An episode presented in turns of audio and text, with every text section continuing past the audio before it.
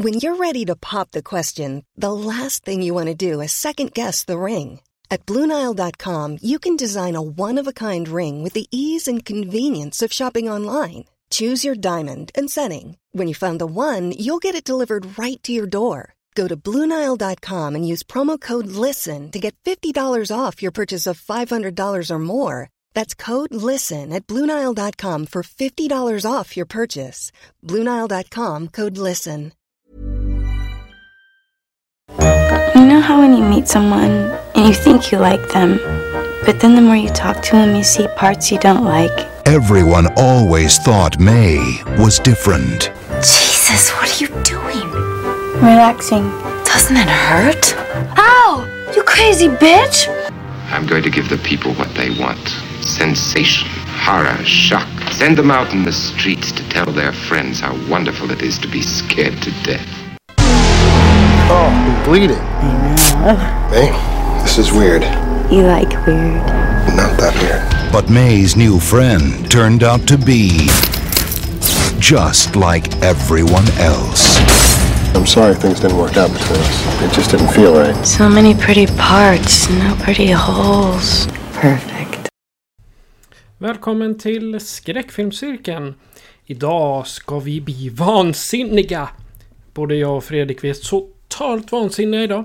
Vi har gått runt på stan och kikat på delar och olika, eh, vi kan säga vackra händer exempelvis. Vi har sett lite vackra nackar och ja, vi har blivit vansinniga. Varför har vi blivit vansinniga? Utöver att jag inte kan uttala vansinnig. Eh, jo, vi har sett filmen Mig från 2002. Som definitivt behandlar eh, ämnet vansinne. vill, du, vill du att vi ska skicka upp larmet redan nu eller ska vi vänta på det en stund? Uh, ja, vi kan, vi kan ju veta när vi kommer till filmen om inte annat. Men vi, vi har en stor spoilervarning inför det här avsnittet. Jajamän. Men du Fredrik. Uh, mm -hmm. Efter åtminstone tre eller fyra dagars total värmebölja så mm. öser regnet äntligen ner. Och då kan, vi, då, då kan vi inte gnälla över att vi sitter eh, ja, inne och väser i mörkret. ja, nej, det har varit för jävligt varmt här nu. Men som sagt, tack och lov, nu regnar det. Uh, men min AC har gått för fullt här så jag får väl en nedräkning här så så, så det blir som en käftsmäll sen kan jag tänka mig. ja men eh, samtidigt då. Är det, är det värt det att istället få värmeslag eller är det värt det att liksom hålla sig kall? Nej, alltså jag, jag, jag tar kylan här. Värme är det värsta jag vet. det, jag vet inte vad, men liksom jag, jag, brukar, jag säger som min mor, jag var nog eskimo i ett tidigare liv. För liksom kyla, det klarar jag av att hantera. Men värme, nej. Dra mig baklänges, usch. Ja. Det, liksom, det blir liksom, man, man är svettig, det är äckligt. Det är som att man försöker sova, man liksom bara vrider och vänder sig i sänglakanet. Det är liksom bara som en blöt servett och liksom allt är bara vidrigt. ja, alltså, värst är ju den här eh, fuktiga Mm. Eh, alltså den fuktiga svetten eller vad man ska säga. Ibland när man kommer hem efter en dag ute liksom, då man, får man inte av sig tröjan eller något sånt där. Ja. Men men, jag har gjort dumheten att uh, vara ute i uh, 29 grader i en och en halv timme uh. utan tröja. Så jag sitter här med lite solfrossa. Ja, kära dag. Och de som eh, kan det här med eh, att eh, sköta om sin hud, de skulle väl förmodligen ge mig värsta bitchlappen för att jag gjorde det. Men jag kommer få lida av det i natt för det gör ont ja. när man har bränt sig. Jag sitter här med efterdyningen av covid. Ja. Jag, åkte, jag åkte på det här precis till midsommar. Så sjuknade jag in och gjorde ett sånt här självtest och mycket riktigt så där var den. Så här nu precis i slutet på pandemin här då åkte jag på att jag så trodde jag skulle klara mig men det gjorde jag inte. det är nästan så. Eh, för de, de, som lyssnar på det här så sitter Fredrik med en mugg och liksom skålar nästan för. ja, ja, ja, ja. ja, ja. Nej.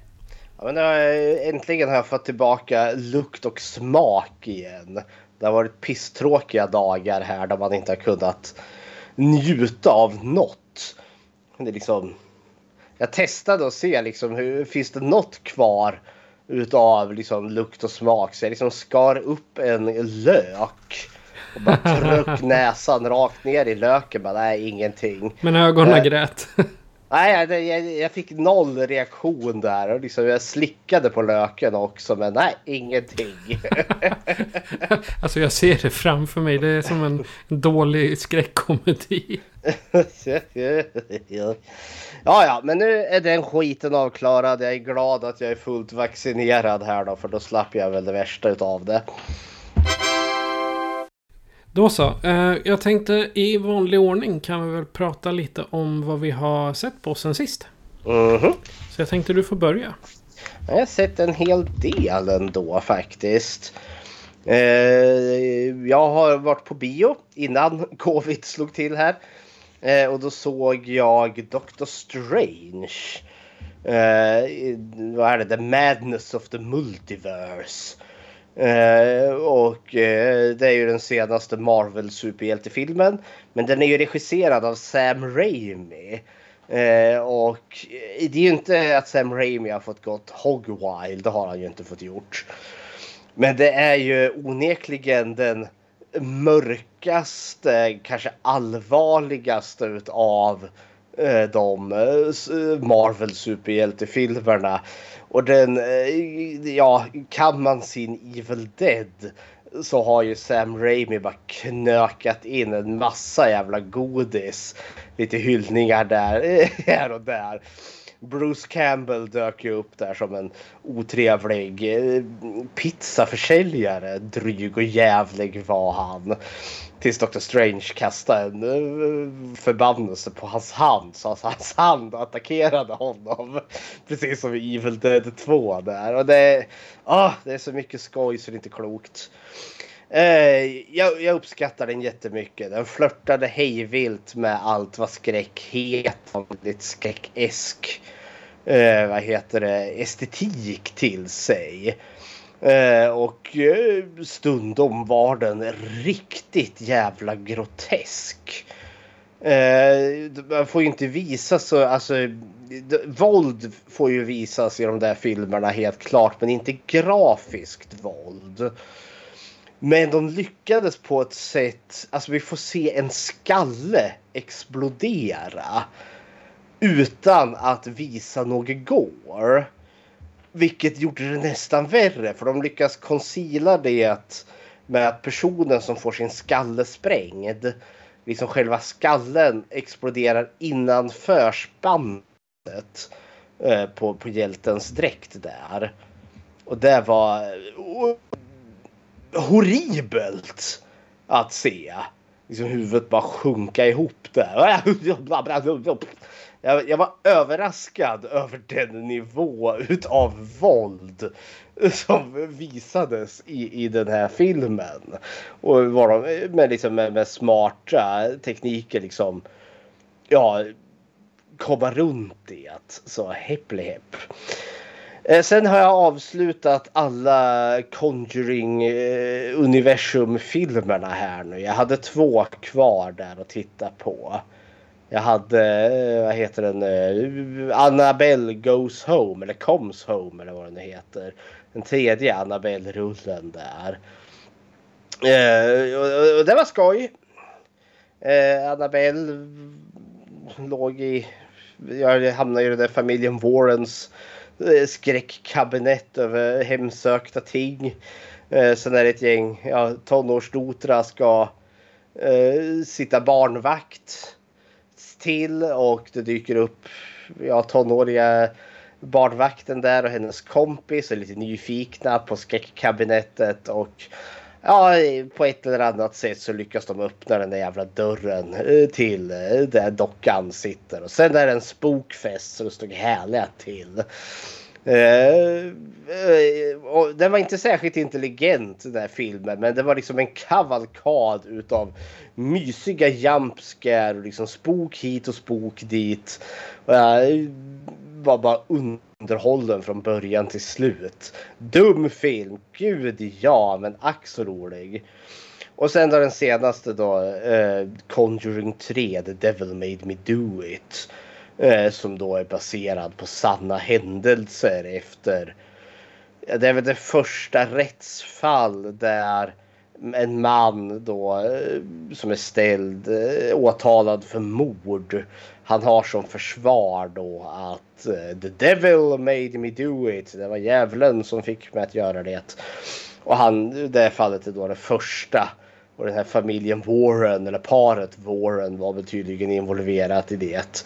Men de droppade den biten illa kvickt och liksom spann iväg på ett helt fantasifullt äventyr till vad som fick den här mannen då att bli besatt av djävulen och det var ju då någon satanisk djävulsdyrkande eh, tant där då, eller eh, otäck kvinna eh, Eh, som kryper omkring i grunden på folks hus och placerar ut några så här hemska häxtotems. Eh, som då kan fungera som någon form av kanalisering utav onda andar och hemliga märken här och där så kan man lyckas besätta folk och det vill den här sataniska kärringen eftersom att hon är ond, ond, ond, ond och ska göra kaos, kaos, kaos. Och så hamnar då paret Warrens i konflikt med henne för de, de är ju henne på spåret och det, det går inte för sig för hon ska ju offra folk till Satan där. Och så. Eh, det här var liksom första filmen de hade liksom en tydlig antagonist att slåss emot. Visst, du hade ju nunnan i The Nun där och, och, liknande. Men det här just var ju en mänsklig skurk i den här filmen. Och hon som spelar den sataniska kvinnan där, hon var jättecreepy. För de har verkligen fått hittat en skådespelerska som var hon var lång och smal och så har de liksom klätt upp henne så hon ser liksom, hon är väldigt propert klädd i kostym och håret hårt knuten i nacken där då. Väldigt liksom proper i sitt maner där. Men i slutändan bataljerar de ner fanskapet och räddar dagen i spektakulär showdown. Liksom good versus evil där. Vilket är skrattretande när man liksom säger, eh, ja, man ska komma ihåg att ja, men det här var en sann berättelse. Jag sitter och tänker, ja, det här hände. Ja, jo, jo, det här hände. Nej, det gjorde ju inte det. Men det var ganska underhållande. Men eh, om man nu ska jämföra med de andra Conjuring-filmerna var den nog den svagaste av de tre. Men det är vad jag har underhållit mig med här uh, sen vi språkades vid sen sist. Eh, jag har kollat färdigt på Van Helsing, eh, mm. på Netflix. Och den, den tog slut förra året, 2021. I alla fall enligt IMDB. Sen vet jag inte, har jag inte hittat något om det kommer en säsong till, det märker vi.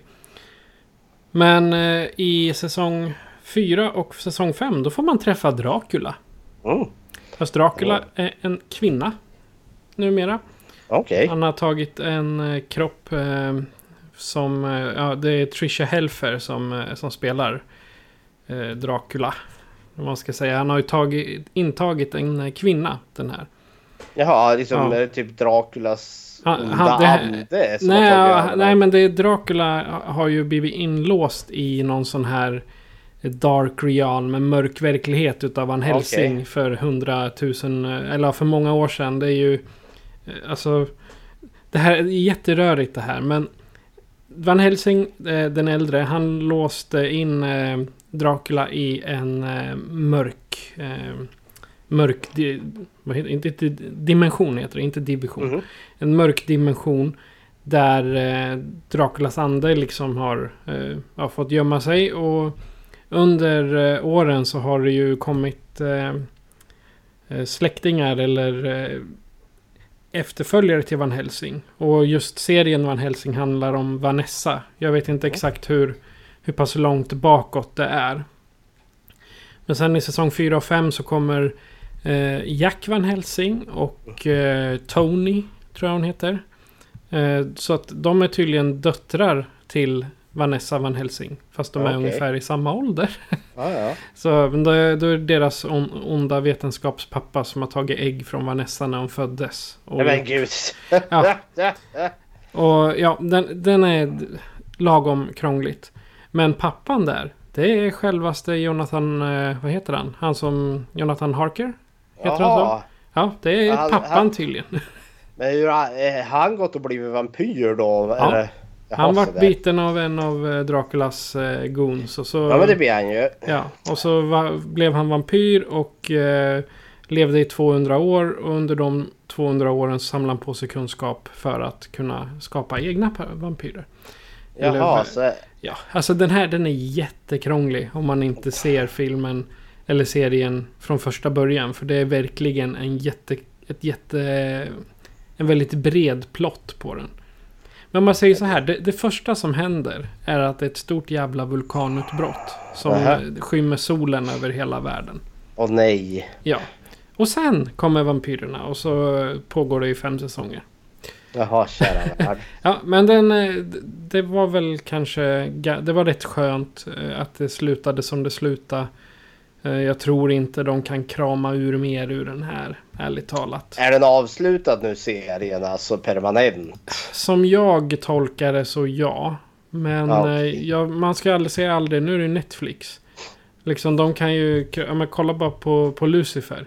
När Netflix Mhm. tog över, de klämde ur två säsonger till med hyfsat eh, dålig, dålig resultat. ja, men jag vet inte, det är ju bråda dagar för Netflix här. De har ju tappat en hel del. Jo, jo. Så, så pass att de tänker införa, vad var det? Det, det billigaste alternativet du kan köpa, då, då ingår det reklam. Exakt. Man kände, det var liksom själva anledningen till varför streamingtjänsterna kom. För att man inte skulle ha reklam. Exakt. Nu är vi tillbaka där! Det är Netflix med reklam här. Hoppidi-doo. Mm. Men det är just för att det är så många, så många streamingtjänster som slåss om samma licenser. Jag, menar, jag hittar men- mycket på, på HBO Max och Amazon Prime och till och med eh, SVT Play har vissa utav filmerna. Och här har jag en liten spaning som jag har tagit väldigt mycket från eh, Red Letter Media. Jag kollade deras recension av Obi-Wan Kenobi-serien här. Eller de fyra första avsnitten där. Att problemet streamingtjänsterna nu kom, kommer få i och med att de är så många och Netflix, ja, de, de tappar ju här nu. Är just att där de har att komma med, det är ju content. Alltså leverera serier eller filmer. Eh, eftersom att de inte har reklamintäkter. Eh, så då, det finns ju den här, ja de nämnde det i Red Letter Media just att eh, det finns något uttryck liksom, eh, se till att buffén alltid är full. Eh, always fill the buffet. För då, då går folk fortfarande och äter. Sen om det kanske inte är det mest välsmakande liksom mat eller något sånt där. Nej, det gör ingenting. Det, det finns bara mat. Så då går man dit. Och det är risken med de här streamingtjänsterna nu. Är att istället för att vi får liksom kvalitet så är det bara nej men ut till folket, ut till massorna här. Eh, bara eh, fram med någonting så att folk sitter kvar där och tittar. Eh, så eh, jag, jag tänker nu när Netflix då desperat, eller desperat vet jag inte om de är. Men just när de börjar ta in reklamintäkter här. Vi börjar misstänka att nu, nu, nu kommer vi, vi, vi. Vi har nått toppen på allt vad streaming heter. Och nu, nu kommer det gå ut för. Jag tänker vissa kanaler kommer gå under och köpas upp av andra. Och Definitivt. I slutändan tror jag det är Disney som kommer äga alltihop. Det gör de väl typ redan. De äger, hur, många, hur många filmstudios äger de? typ alla snart. Det nästa stora är väl om de lyckas köpa upp Warner. Eh, För då, eh, det, då har de ju Batman och alla de där så. Men jag Ja, tror att Warner har arbetat aktivt för att Disney inte ska kunna köpa upp dem. Det tror jag också men eh, om man tar de två giganterna så är ju Disney aningen större. Ja. Ja, ja, ja. Men eh, dagens eh, tema kommer ju då vara vansinne. Så, så Ja. kallar vi det på, eh, på studiecirkeln i alla fall. Ja, det var väl det liksom själva titeln vi gav det då. Eller jag gav det till min lilla föreläsning där. Och det är just det mental ohälsa och hur det porträtteras på film. Och jag tycker liksom filmen vi kommer prata om idag är liksom en ganska typisk sådan för just vi följer en karaktär eh, liksom som förlorar greppet om verkligheten. Eh, och eh, lite vad som kan bli den subgenren om man liksom har personer som liksom tappar fotfästet totalt. Och då brukar jag liksom bara klumpa under, liksom under kategorin vansinne, insanity, you go insane, förlora förståndet, hej vad det går. Men jag tänkte liksom just snacka lite då lite vitt och brett här då om just mental ohälsa eh, och hur det har då porträtterats i populärkultur. Och det är inte en alltigenom smickrande historia. För liksom ska man bara göra ett snabbt tvärsnitt så kan vi konstatera att ja, men, mental ohälsa på film är, eh, som har porträtterats genom historien är i stort sett bedrövlig. Om, med handen på hjärtat. Eh, och det har många olika förklaringar. Eh, men jag tog lite avstamp ifrån en artikel skriven eh, 2008 utav Jennifer Eisenhower. Eh, och den artikeln heter då A, vis, A Visual Cur- Culture of Stigma. Eh, alltså vi- en visuell kultur utav ett stigma. Critical examining representation of mental illness. Att, eh, att kritiskt utforska representationen av mental ohälsa. Eh, så det varit lite min språngbräda in här, hennes artikel. Eh, och där hon målar upp här eller hon inleder sin lilla artikel med en det var någon marknadsploj där. Eh, jag tror det var där i närheten utav två, jag vet inte om det var 2007 eller 2008. Men det var nära Valentine's Day, alla hjärtans dag där. Och då var det något företag här som de, de, säljer eh, söta nallar. Och jag menar, de har en jävla uppsving i, i sin försäljning runt omkring. Vad heter det? Alla hjärtans. Då liksom alla pojkvänner och flickvänner ska springa och köpa söta nallar till varandra. Och de har liksom alla eh, roliga teman där då, med nallar som håller i, i hjärtan och allt vad fan det nu kan vara. Men just det här året hade de då gjort en ploj. Eh, och då är det en nallebjörn eh, som sitter i en tvångströja. Eh, och då står det, alltså det finns en medföljande liten text på den här björnen. Eh, och då ska vi se här, nu ska jag lyckas eh, öppna. Eh, och då står det commitment report. Eh, can't eat, can't sleep. My heart is racing. Diagnosis. Crazy for you. Ja, så de gör ju en spel alltså där de säger liksom ja, commitment report varför patienten har blivit inskriven. Kan inte äta, kan inte sova, hjärtat rusat, diagnosen. Eh, I'm crazy for you, jag är galen för dig. Så Alltså det låter som en dålig pappavits som jag ska vara Ja men det är det ju också. Och det, det är ju ett skämt. Eh, och skämtet är ju liksom, nallebjörnen sitter där i, i tvångströja då. Eh, och eh, i sig är det väl liksom ganska harmlöst kan man ju tycka. Men det här är liksom språngbrädan in för just den här nallebjörnen. och Jag är tokig för dig. Ah, nu sitter jag här i tvångströjan.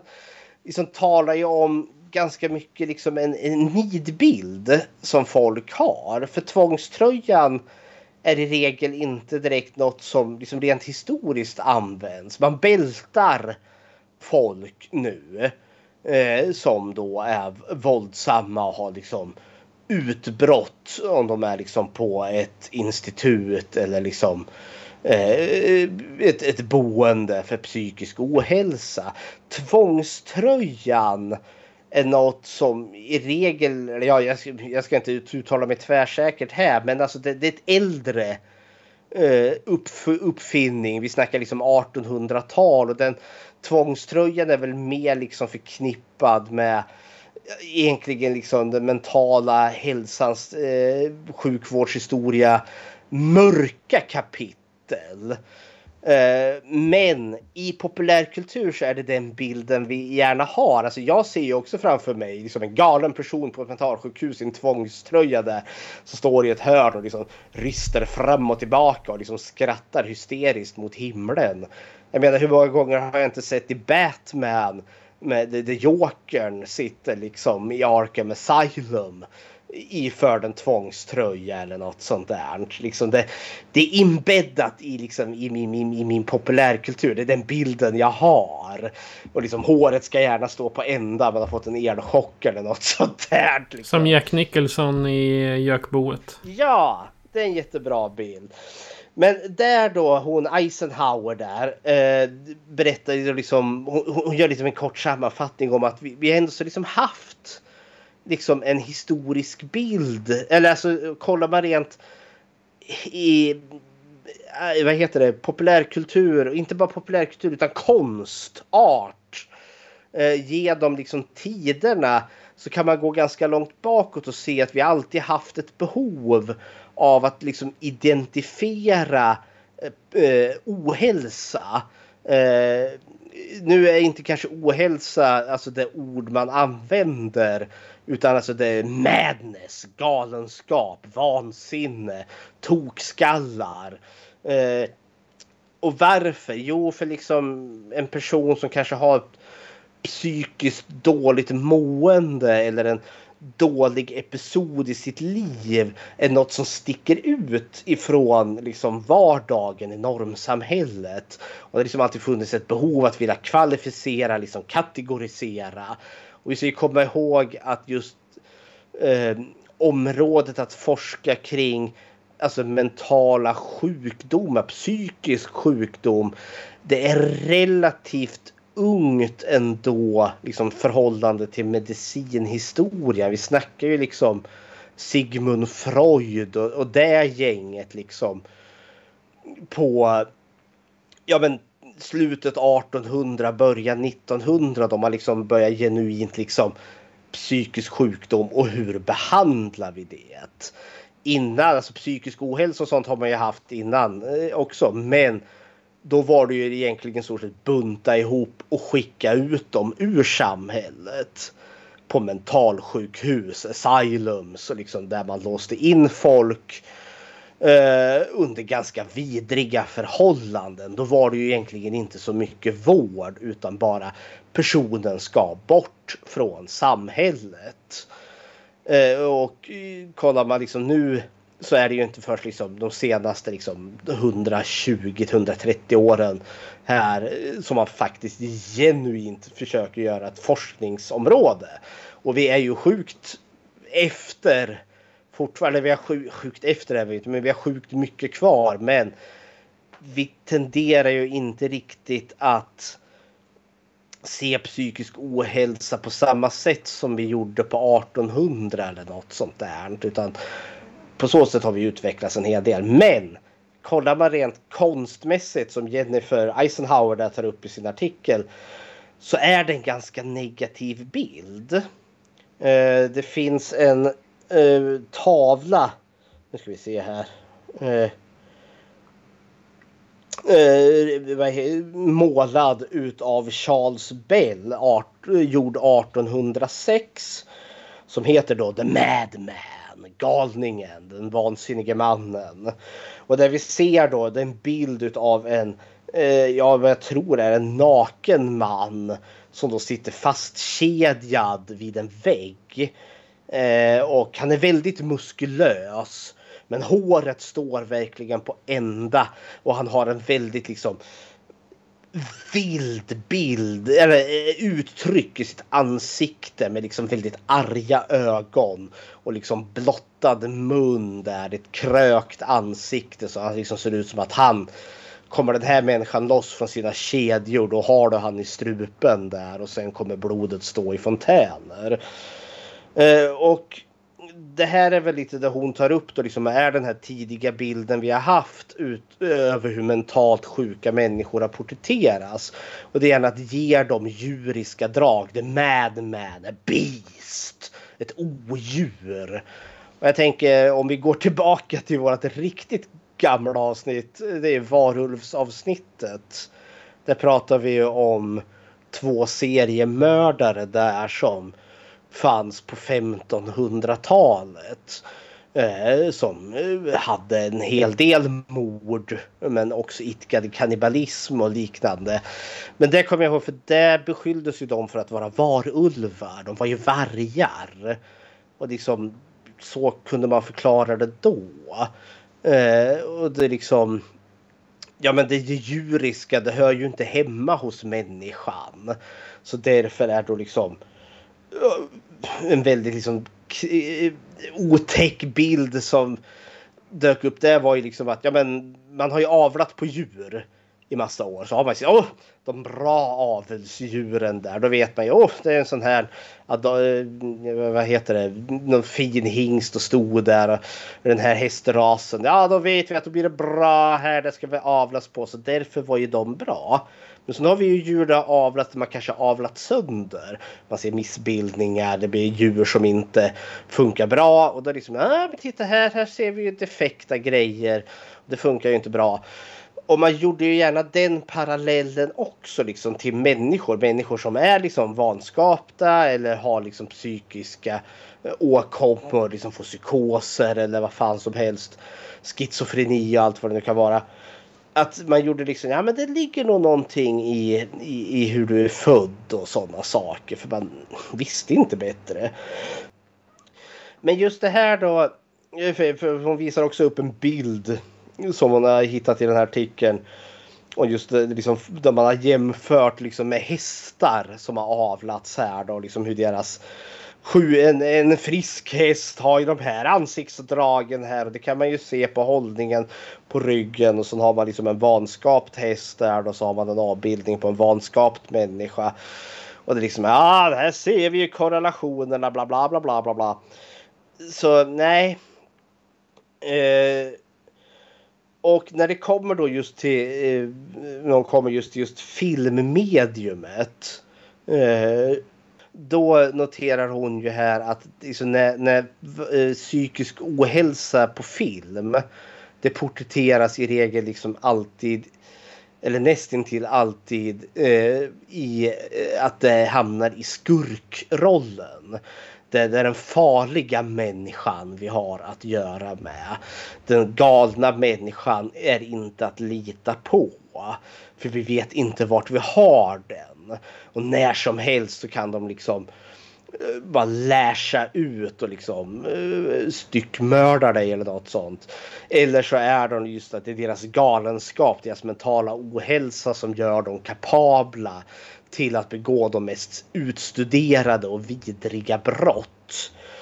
Eh, och ska man då liksom gå in lite och kolla lite på just filmer, för jag tänkte just skräckfilmer och skräckfilmen som vi ska tala om idag görs onekligen skyldig till det här men Alltså skräckfilmer har ju inte varit representativ för att porträttera mental ohälsa på ett hälsosamt sätt.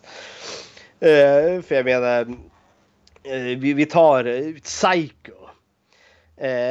från ja, Hitchcocks mästerverk. Fantastisk film. Men där har du ju Norman Bates. Eh, som då, ja spoiler alert, det är han som är mördaren. och mamman. och mamman. Och det är det här som också är liksom ett stort problem. Eh, Psycho varit en jättepopulär film. Med all rätt. Eh, men liksom twisten är ju där liksom att den, den, den blyge quirkige Norman. Eh, som inte verkar kunna göra en fluga för när. Det är han som är mördaren. För när han eh, blir farlig, det är då han byter personlighet. Och blir sin mamma. Han blir sin mamma, han blir Norma där. Eh, Klär sig i kvinnokläder och sen kommer han efter en med kniven där. Och i filmen så benämner de ju till och med det att han är schizofren.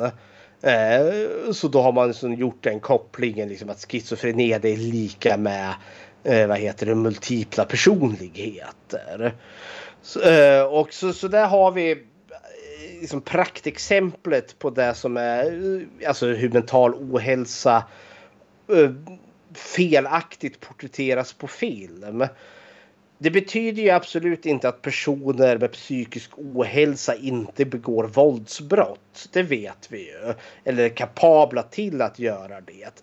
Men i filmens värld så är det i stort sett alltid det den mentalt sjuke gör. Den mentalt sjuka är liksom farlig i alla lägen. Plus också att filmen kom ju med rena felaktigheter. Schizofreni och multipla personligheter har ingenting med, eh, med varandra att göra. Liksom under den längsta tid så har just den här störningen med multipla personligheter inte ens riktigt varit erkänd för den har varit så svår att definiera. Och här vet ju jag själv att jag har varit påverkad av det. För jag har ju gått, jag har ju kört det, men schizofreni, jaha, flera personligheter då. För det har liksom varit det som jag har sett på film och som jag har hört. Det är liksom, ja men då, då förstår jag. Liksom, alltså, det är vad schizofreni är. Men det är inte alls vad schizofreni är. Visst, schizofreni är ett jättesp- eh, alltså, brett spektrum och du kanske kan se personer eller höra röster av sådana som inte finns där. Men du är ju inte de personerna. Saker, jag ska inte gå in allt för långt där, men liksom det där har vi liksom ett, eh, ett praktexempel på mental ohälsa. Eh, och, Om vi ska gå in så djupt på det något eh, i ett avsnitt då måste vi ha med Claudia. Annars så klarar vi oss inte. Vi gör ju inte det. Nej men liksom många av de här filmerna är genuint bra. Fatal Attraction, Farlig förbindelse tror jag den svenska titeln är från 87. Där när Glenn Close, Close kokar kaninen, barnens kanin. Nej, nej, vad är det som händer? Är Där det Kevin Costner som är med i den också? Nej, det är väl Michael Douglas som är huvudrollen där då.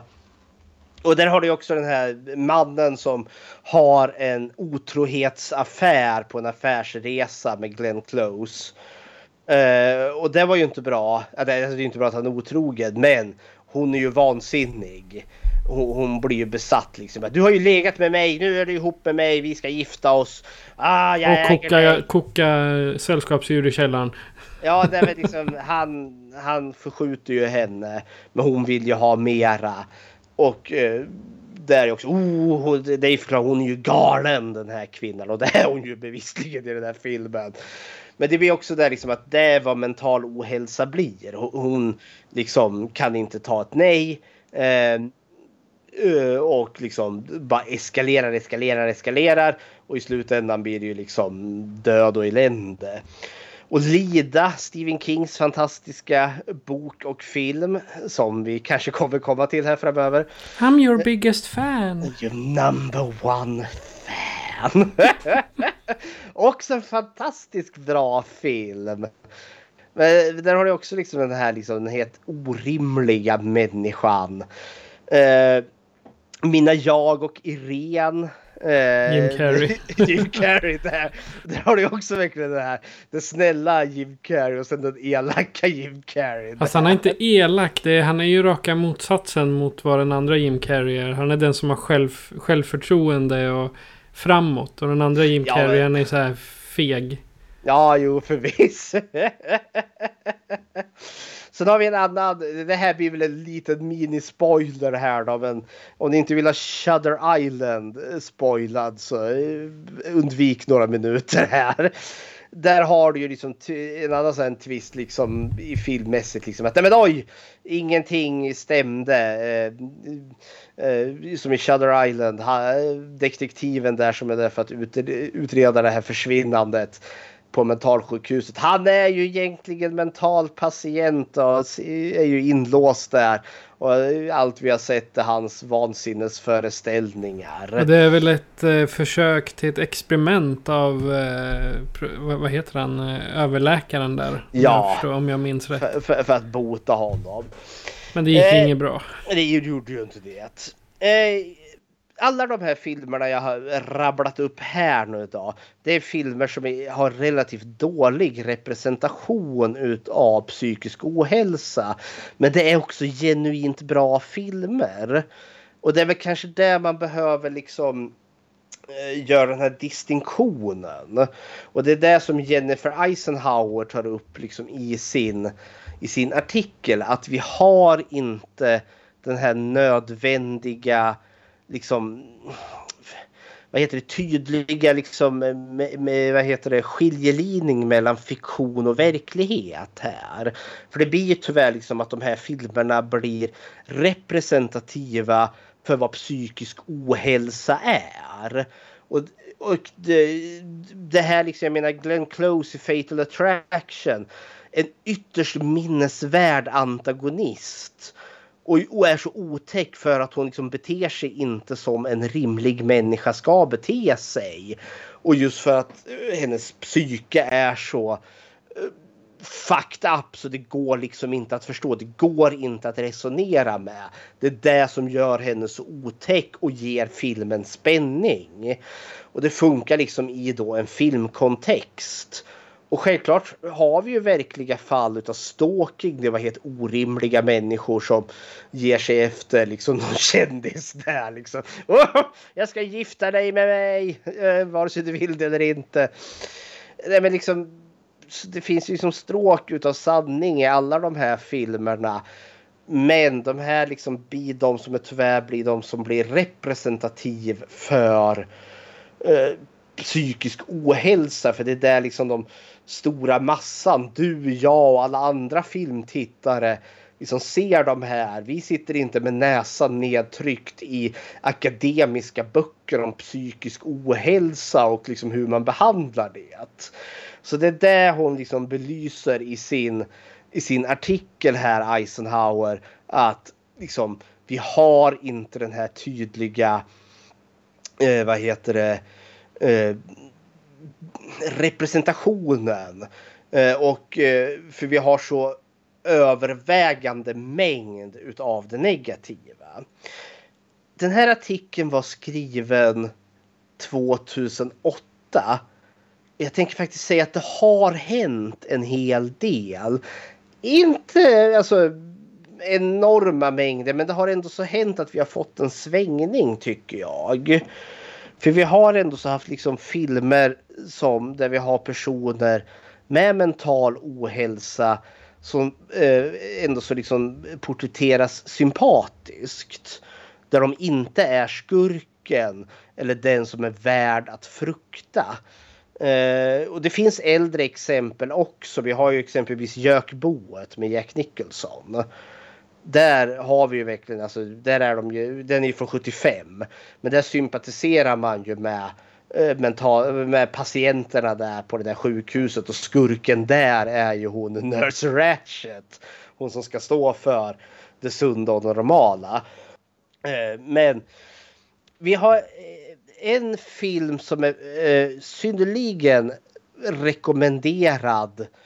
Det är Girl Interrupted från 1999. Så den är ju faktiskt skriven, eh, eller den är gjord före den här artikeln. Eh, men som verkligen då målar upp, för det handlar verkligen om en ung tjej som hamnar på ett, eller hon blir hamnat på ett, eh, någon anstalt, institution efter att hon har försökt tagit sitt liv och det blir väldigt tydligt att hon liksom är på spektrumet och att det handlar liksom mer om det och liksom hur hon liksom klar, klarar av att hantera liksom sitt sin verklighet och det är inte som att hon är botad i slutet utav filmen utan det är bara liksom vi får göra en jävla resa med den här människan. Eh, sen har vi sådana filmer som Lars and the Real Girl. Fantastisk film eh, från 2007 där om en man Eh, som då har en relation med en, alltså det är väl som en, jag vill inte säga att det är en sexdocka men alltså det är en docka. Det kanske är en sexdocka, vad vet jag. Men alltså eh, det verkligen handlar liksom om han och hans, ja ganska, ja men han finns ändå i ett samhälle. Men den, den kvinna han är ihop med det är den här dockan. Och liksom omvärlden har ändå liksom anpassat sig lite i det där. Och sen hans resa ur det här. Men vi har också liksom filmer som A Beautiful Mind. En verklighetsbaserad historia om en, en professor med schizofreni. Vi har Little Miss Sunshine. Där Steve Carell spelar den här självmordsbenägna mannen. Och hans väg tillbaka efter ett självmord. Sen har du ju 50, 50 First Dates är också Ja, någon, är om någonting en, eh, en film om psykisk ohälsa. Men där har du ju, ja, alltså det, där har du ju mer en olycka. Alltså hon har ju en hjärnskada i den filmen som gör att hon men visserligen, det, det, det är en mental åkomma som man har och det är också en positiv film. Han, Adam Sandler anstränger sig verkligen för han är så förälskad i henne. Och han ger inte upp henne trots hennes liksom psykiska tillstånd. Uh, The Silver Lining Playbook. Jag för den svenska titeln är Du gör mig galen. Ganska dålig titel. Men från 2012 där. Eh, som också liksom handlar om en man med svåra psykiska problem och liksom hur, hur liksom man kan leva liksom i, i, ett, i, i en familj med en sån människa. Eh, till och med en film som Iron Man 3 där Tony Stark lider ganska kraftigt utav posttraumatisk stress efter händelserna i The Avengers. Där de här filmerna, alltså, det, det, är inte så att de här filmerna är perfekta och det finns säkert problematiska grejer med de här också. Men personerna som porträtteras i de här filmerna, alltså de porträtteras sympatiskt och de är liksom i inom situationstecken den goda rollen. Alltså det är inte skurken, det är inte den eh, tragiska figuren eh, alltså, som vi ska... Alltså, man får ju en del sympati för att man lider med deras eh, åkommor. Men vi kan liksom också heja på dem. Eh, ett annat fallgrop som de här, alltså vissa filmer de här gör det är liksom att man gör en tragisk psykisk sjuk människa och det slutar liksom åh vi kunde inte bota han och han eller hon dog där i slutet. Åh, tragedi, tragedi. Jag tänker eh, eh, det jag vill fara med att liksom, det finns betydligt mer representation nu än vad det gjorde innan och jag tänker också sådana som en tv-serie som Sherlock Eh, med, vad heter han nu, Benedict Cumberbatch. Eh, där eh, är ju han bara en högfungerande sociopat. så liksom, jaha okej. Okay. Eller Mr Robot. Eh, för där han, eh, han befinner sig också på spektrumet har jag för mig. Men han löser ju brott. Eller Bones. Hon som också är på något spektrum där eh, också liksom kan lösa brott. Och Broen, den här danska serien, har ju också någon eh, en karaktär där som också befinner sig på spektrumet. Eh, som blir eh, ibland till nackdel men ibland till fördel i brottsutredningarna. Det är för mig något avsnitt något gräsligt mord på något barn där och hela poliskåren där bara oh, oh, Det är så hemskt för de liksom tar in att det liksom är ett barn som har torterats till döds. Medans hon då liksom bara nej men. Ooh, fascinating. Ja men liksom hon kan liksom bara gå in i så, så kallt analyserande för liksom att hon har inte det emotionella riktigt. Så det, Nej, blir... men det, är ju, det är ju hennes jobb alltså. Så Ja. där, det, det finns ju... Jag, nu jag är bara amatörpsykolog men när man läser att det finns ju vi, vissa... ehm, vissa eh, diagnoser som gör att man helt enkelt inte ser... Men han är The Good Doctor. Han har ju sån. Ja, det är en typ av autism. Där man eh, helt enkelt inte ser att ja, men, okej, vi läser inte av om rummet utan går in och gör, gör vår grej. Och är jag då eh, rättsläkare, ja men då går jag in och är rättsläkare, punkt. Mm.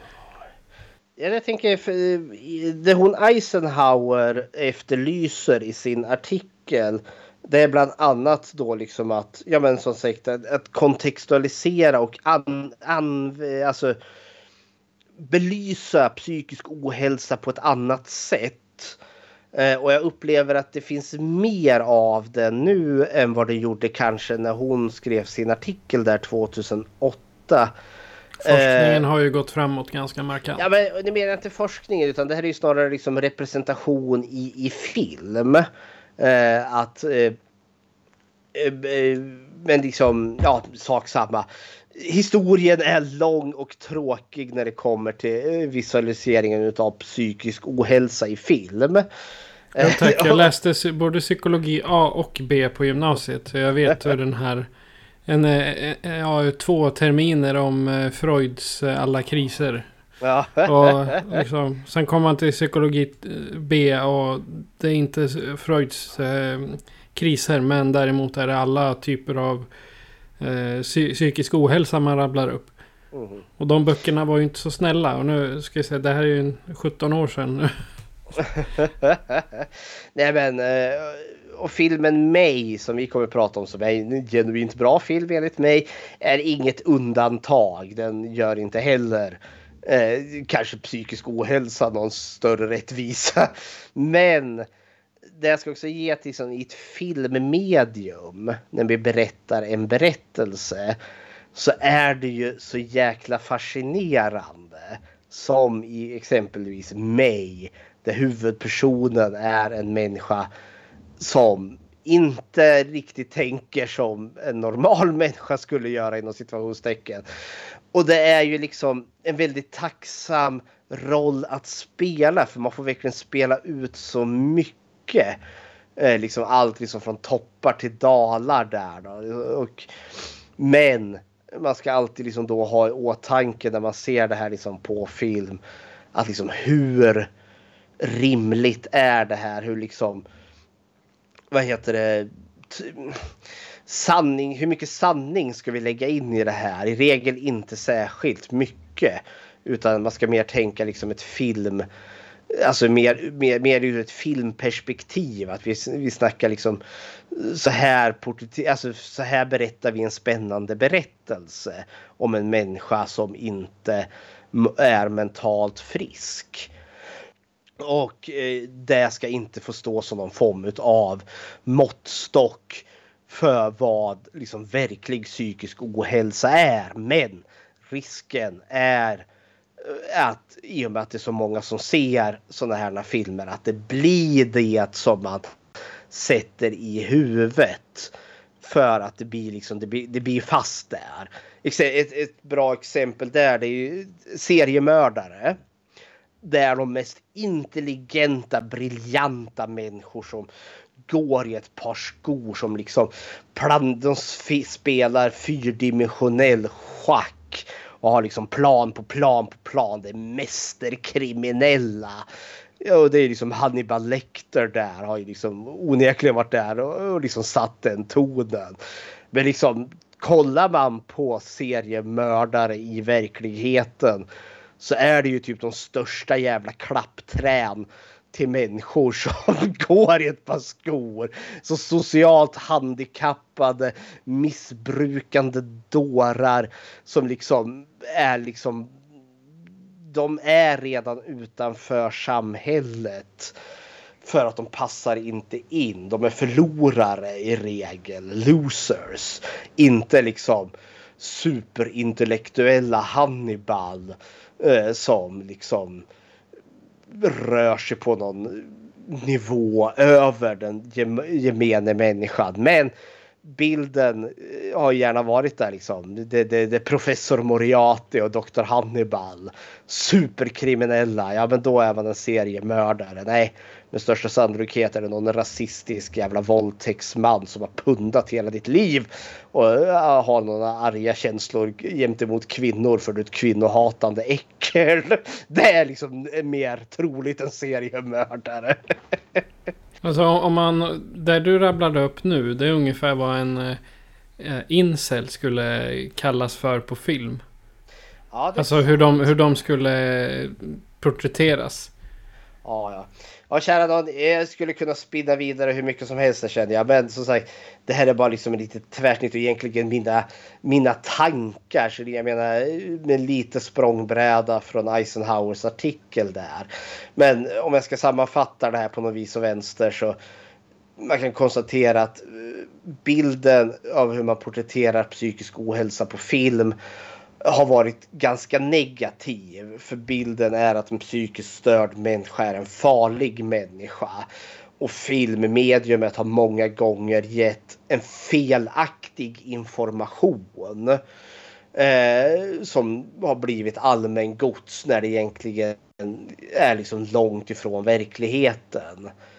Eh, och sånt är alltid värt att ha i åtanke när man tittar på film som porträtterar psykisk ohälsa. Med det sagt så upplever jag väl eh, från mitt lilla perspektiv att man har bättre representation eller åtminstone vi har mer av det än vad vi hade förr. Men med det sagt, det är inte så jävla mycket ändå. Men hepp hepp. Ja. Men där har vi då en eh, bra ingång till eh, filmen som är som vi ska prata om idag. Och eh, filmen är Mig från eh, 2002. Och eh, vi har väl ett meddelande. This is a spoiler warning. Alert! Spoiler alert. This is a spoiler warning. Alert! Spoiler alert. Och här kommer en trailer. You know how when you meet someone and you think you like them, but then the more you talk to them, you see parts you don't like? Everyone always thought May was different. Jesus, what are you doing? Relaxing. Doesn't it hurt? Ow! You crazy bitch! But really, she was just misunderstood. I need a real friend. Someone I can hold. Don't be mad. Then, one day, May met Adam. Hello? The boy I saw today is different. So what do you do, May? I work at the animal hospital. When I left for vacation, my dog had four legs. You can't sew it back on, can you? I could. Some people think it's kind of gross. I love gross. Really?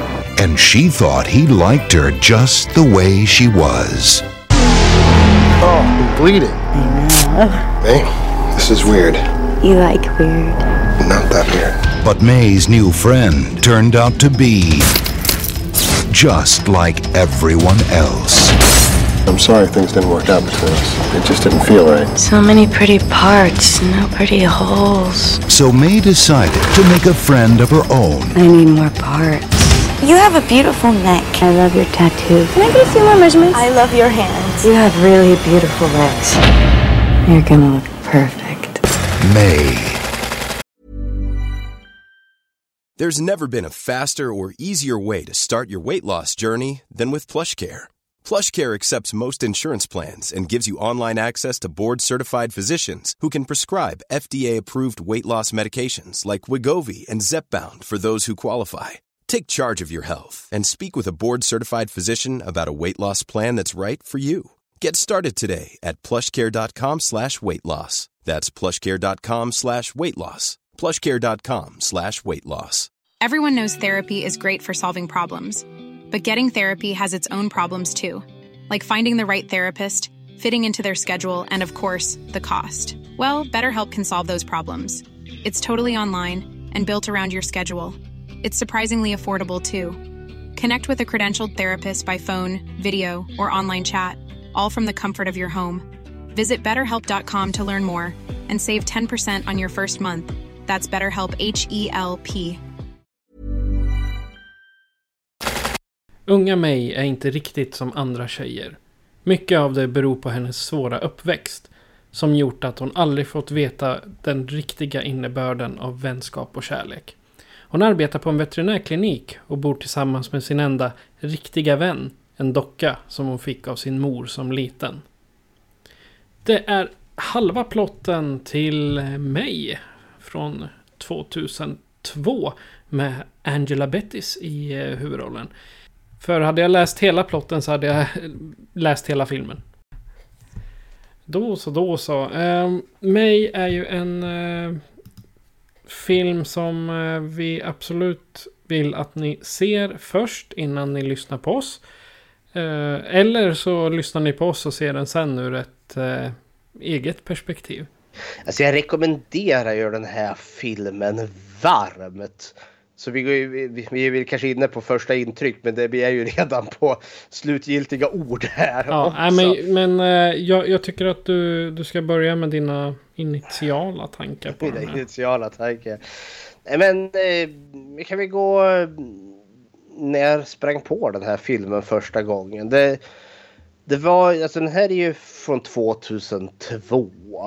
Det är väl regidebuten av Lucky McGee, tror jag eh, regissören heter. Och jag ramlade över den här för det var något i, i samband med att jag införskaffade filmen Dog Soldier. Den här skotska varulvsfilmen. För den släpptes av något eh, bor, ja, det fanns något, det hette The Midnight Movies. Eller Midnight Movie Madness kanske den hette. Sak samma, det var liksom en stor liksom, logga där med någon dödskalle på. Den såg cool ut.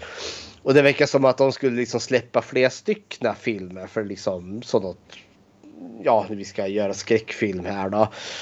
Eh, och det vart liksom inte så mycket mer av det. Men May var med i en utav alltså de här titlarna som släpptes med just den här Midnight Movie Madness eller vad det nu hette. Och jag gillade ju Dog Soldier så då vart jag lite nyfiken på de andra. Och då kom jag ju då över May. Eh, och det var faktiskt inte alls riktigt vad jag hade förväntat mig. Eh, för det lilla jag hade läst på eller hört om den här innan så var ordet jag fastnade för var då slasher. För den liksom gavs den här filmen. Och jag var lite besviken där för det, det är verkligen inte till sin struktur en slasherfilm alls. Det blir lite slashande sen, alltså när morden väl startar. Så visst, i den aspekten har vi liksom slasher. Men det här är inte en slasherfilm. Eh, men den fastnade på något vis och vänster ändå. För liksom, ja men det här var en eh, film som liksom fastnade i mitt medvetande. Och sen alla dessa år senare när vi gjorde studiecirkeln här då. Ja, då kom jag på den här igen och jag kommer ihåg att vi visade den där på ABF. Eh, och alla verkade väldigt nöjda med den här filmen. Eh, så sen att nu då återigen få prata om den fast i poddformat, ja det, det ser jag fram emot. Så mina initiala tankar är ju då liksom att, ja men det här har varit en kul film att återvända till. När, när såg du mig för första gången? Och vad var dina initiala tankar då? Jag tror att det var på skräckfilmscirkeln jag såg den första gången. Faktiskt. Eh, jag, jag känner igen eh, skådespelerskan, det gör jag. Men... Ehm, för henne hade jag... Eh, eller så har hon bara ett sånt ansikte som man tror... Ja. I alla fall så... Det var första gången jag såg den. Jag har sett den ett par gånger till efter. Och första, första gången jag såg den då var jag lite... Eh. Jag tyckte liksom att... Ja, ja. Okej, okay. det var en film. Visst. Så det, det, var min första. Sen tittade jag på den igen ett par år senare. Så bara... Mm. Det här är en bra film. Och så nu tittade jag på den igår. Eh, innan vi... Ja, igår då. Vad blir det? Det är tisdag idag. Måndag kväll tittade jag på den. Och... Jag, som, som en del vet, som jag säger ibland, att jag har fått sett filmerna i två sittningar. Jag såg hela filmen rakt igenom, utan problem. Så att den höll mitt intresse uppe. För man undrar hela tiden liksom, vad är hennes nästa steg? Vad, vad händer nu? Vad kommer de andra... Liksom, hur kommer de andra reagera? När jag såg mig första gången då tänkte jag mig lite som en, ja, en uh, Carrie light eller Mhm. Carrie, Carrie rip-off. Alltså typ en Roger Corman kopia utav Carrie. Eh, den, den, i, den- I den stilen. Men så var det ju icke. Utan det här var en helt egen. Men vad, när jag har läst eh, andra recensioner och l- lyssnar på poddar så är det många, många som drar paralleller till Carrie i den här. Mm. Och det är Ja, väl det- lite... Det, det är samma princip. Ung tjej eh, med... Som har varit ensam hela livet och sen kommer underfund med fasen jag är seriemördare. Ja, ja. Är väl inte så mycket seriemördare men visserligen hon... Hämnd kan man väl hon, kalla hon tar det. ju ut, hon har tagit ut eh, hela skolan där i slutet. Ja. Men sen är det också lustigt för det är Angela Bettis som spelar mig. Hon har ju också spelat Carrie Precis. i tv-filmen där. Ja.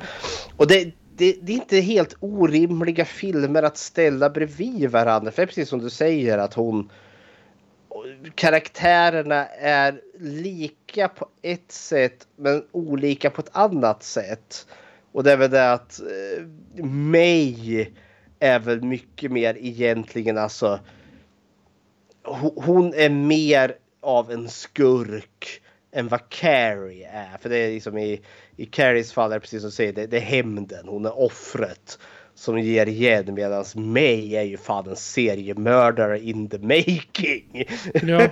Och Sen hon- tycker jag, tycker jag också hon, eh, Angela, hon eh, var ju med i Toolbox Murders också. Det är väl hon som spelar offret där. Om jag inte har Ja, helt hon- fel. Ja, det är väl The Final Girl där och det bara Ja. remaken där då med Toby Hooper som regissör.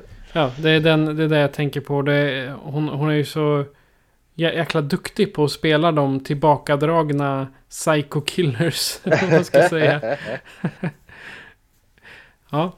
Eh, Det var, vi har ju pratat lite kort om eh, Angela Bettis. Men eh, hennes visualisering av mig. Hur tycker du Alltså vi, vi, vi brukar nu är vi inne på karaktärerna. Vi, liksom, vi brukar köra karaktärerna, platsen, hotet. Och det, det, det här som blir lustigt för liksom May är ju våran huvudkaraktär. Ja, just det. Hon, hon är ju också hotet. Men sen i och med att det är hon som är, blir mördaren. Men så kan man ju då ställa frågan. Är, är- det, är det hon som är hotet på så sätt eller är hotet mot henne det stigande vansinnet? Om vi, Ja. alltså på karaktärerna kan vi börja med mig eh, innan det börjar spricka så att säga. Ja, nej men alltså, det är så, för det här är ju. Det här är ju en film då vi liksom våran huvudperson är en djupt komplicerad eh, och trasig individ eh, som vi får följa. Eh, och istället för att vi liksom får se den här personen liksom överkomma sina problem eh, Eh, så är det ju liksom att det blir så mycket värre. När den här filmen är slut då befinner hon sig liksom i ett sämre stadie i sitt liv än när filmen började. Men alltså hon, eh, Angela Bettis gör ju en fantastisk roll här som den här musiga karaktären May. Eh, som eh, hon är, men hon är så tillbakadragen. Hon är verkligen alltså, socialt handikappad. Eh, kan inte riktigt föra sig i sociala sammanhang. Eh, för, mycket för att hon bara är hon är tyst och hon är awkward och det är liksom det, det, det är flera gånger det är väldigt mycket cringe i den här filmen. Jag liksom bara sitter och Åh vad det här är jobbigt. Kan vi inte bara gå vidare? För det är liksom mest i början egentligen när hon försöker flörta för hon har ju blivit förälskad i en kille där. Och det är ju de här första tafatta försöken. Och det är verkligen så här, nej. och det är väl det som är tjusningen med henne för det finns en igenkänningsfaktor. För jag känner ju liksom igen mig som en, liksom en när man är 15 år och liksom ska försöka liksom vara social i ett sammanhang och du är liksom vad du nu än säger så blir det fel och man vill bara sjunka genom golvet och försvinna. Det där liksom känner jag så mycket med mig. Och åtminstone i början innan det brakar ut för så står härliga till. Vad är dina liksom, initiala tankar kring mig innan det brakar åt helvete? Alltså, mig tycker jag synd om. Mm. För jag kan ju säga att hon hade ju inte den bästa, bästa uppväxten direkt med en mamma som bara, ja ah, men du har ett eh, lazy eye och mm. om du vill ha några vänner så måste du täcka över det. Och så smackar hon på en ögonlapp där och sen, ja men sätt håret över så syns den inte. Mm. Du, du, hon gör ju sin dotter en enorm björntjänst där.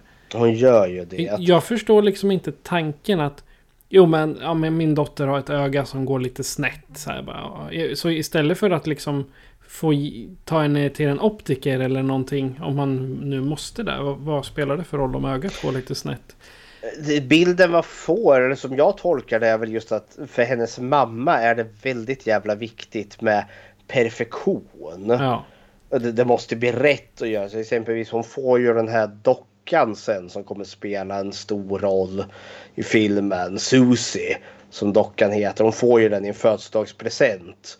Och när May liksom ska liksom slita av vad heter det, omslagspappret så kommer ju mamman direkt. Nej, nej, nej, nej, nej, så kan man inte göra. Nu, nu vart det ju fel här. Och liksom, så blir det hon som öppnar paketet istället.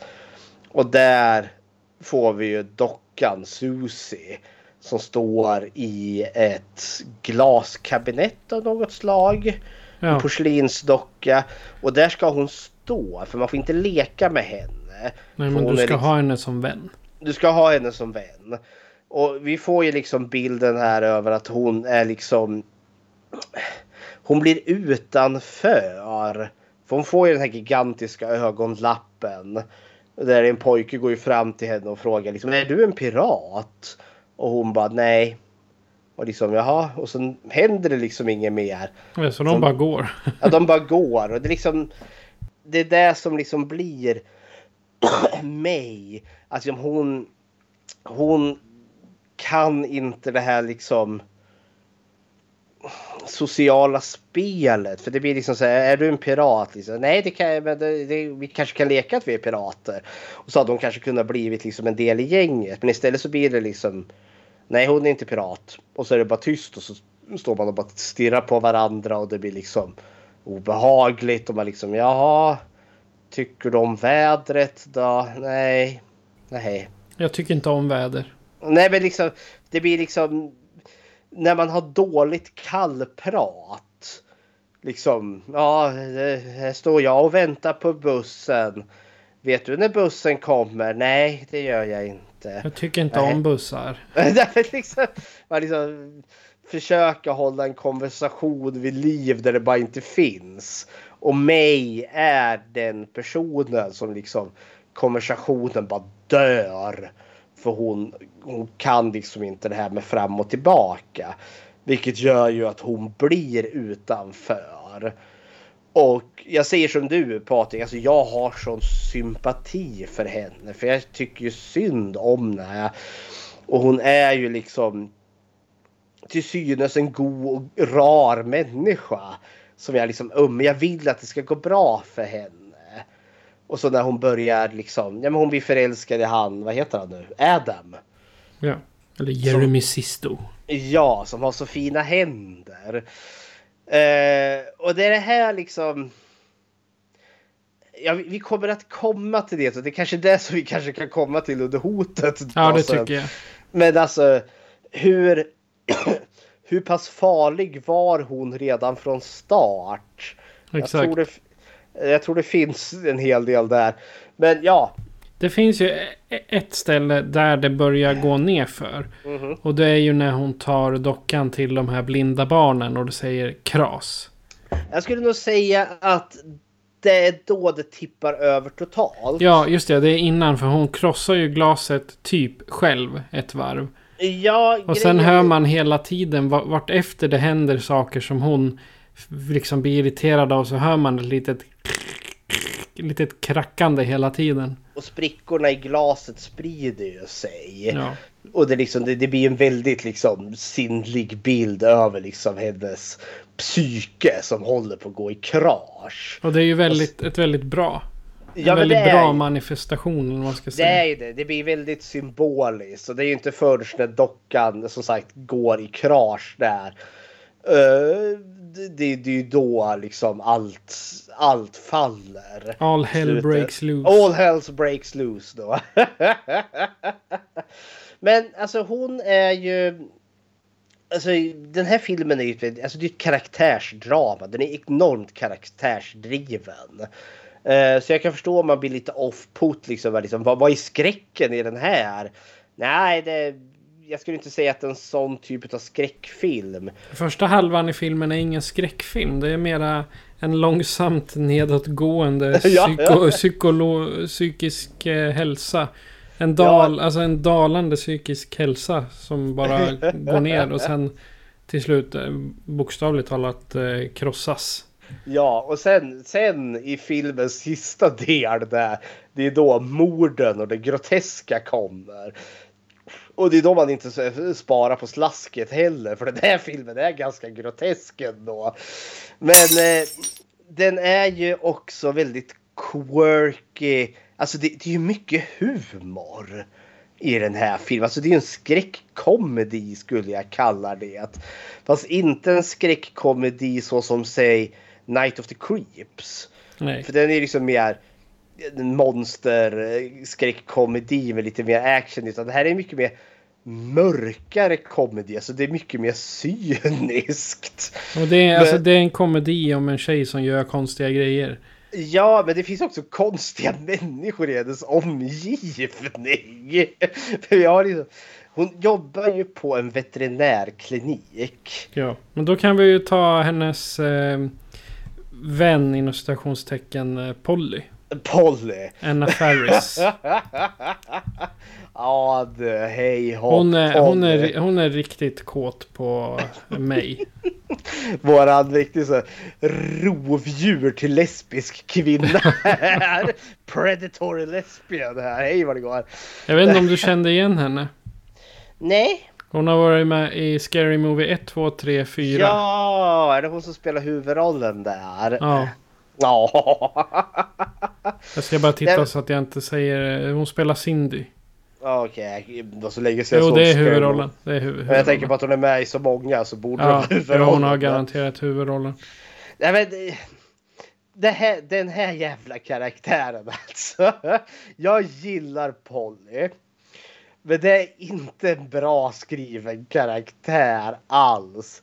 Anna Faris tycker jag, hon- är bra som skådis. Men just den här karaktären. Är, hon är nästan lite för mycket. Alltså hon tar mig ut ur den här filmen som ändå så är li, alltså, rotad i någon form av verklighet ändå. Eh, men Polly, eh, hon, hon, hon är liksom, liksom för mycket i den här märkliga och eh, rovdjurslystna lesbiska kvinnan som ska ha sin nya sexuella erövring i form av mig här. Men ja, eh, för liksom, hon kan ju inte uttala. Hon läser fel hela tiden. Sculpel. Sculpel! What is a sculpel? You mean, you mean scalpel? Alltså skalpell? Jaha! Men liksom vad fan.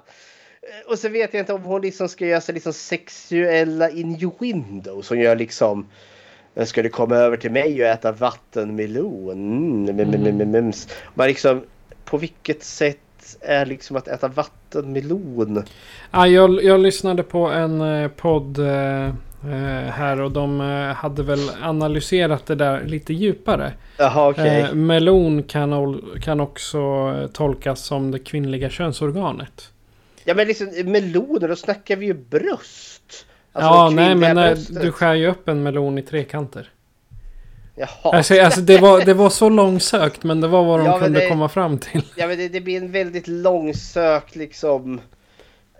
Ja nej det funkar inte Över, riktigt. överanalyserat också för den Ja. delen. Ja men liksom hon är ju. vad heter det? Vi, vi får ju, hon kommer ju på mig vid ett tillfälle där May sitter och skär sig i tummen med, med skalpellen. Mm, det hörde vi ju i trailern. Ja, där hon liksom, oh, men vad gör du liksom? Och där relaxing. Får vi, ja, men relaxing. Och där får vi ju också liksom, liksom en inblick i liksom att, ja men hur pass eh, störd May är. För hon säger det helt oironiskt och liksom det är ingen dramatik i det utan att jag menar hon mår dåligt och skär hon sig. Eh, men så skär ju då mig också eh, Polly tummen där. Utan att Polly har bett om det. Oh you freaking bitch eller vad det är, you crazy bitch säger de väl. Men sen går hon igång lite på det. Att oh we do it again. Och det är liksom det här liksom att mm, Polly är en sån orimlig människa i den här filmen. Men jag gillar henne ändå. För det, det, det är också en bonkers karaktär. Men som inte riktigt... Ja, men hon är inte trovärdig för fem öre. Men jag gillar den här liksom konstiga människan. Men i relation till mig. Eh, för jag tänker liksom för alla de här, vi, vi, kommer ju prata om Adam här ganska snart för han spelar ju också en väldigt viktig roll här.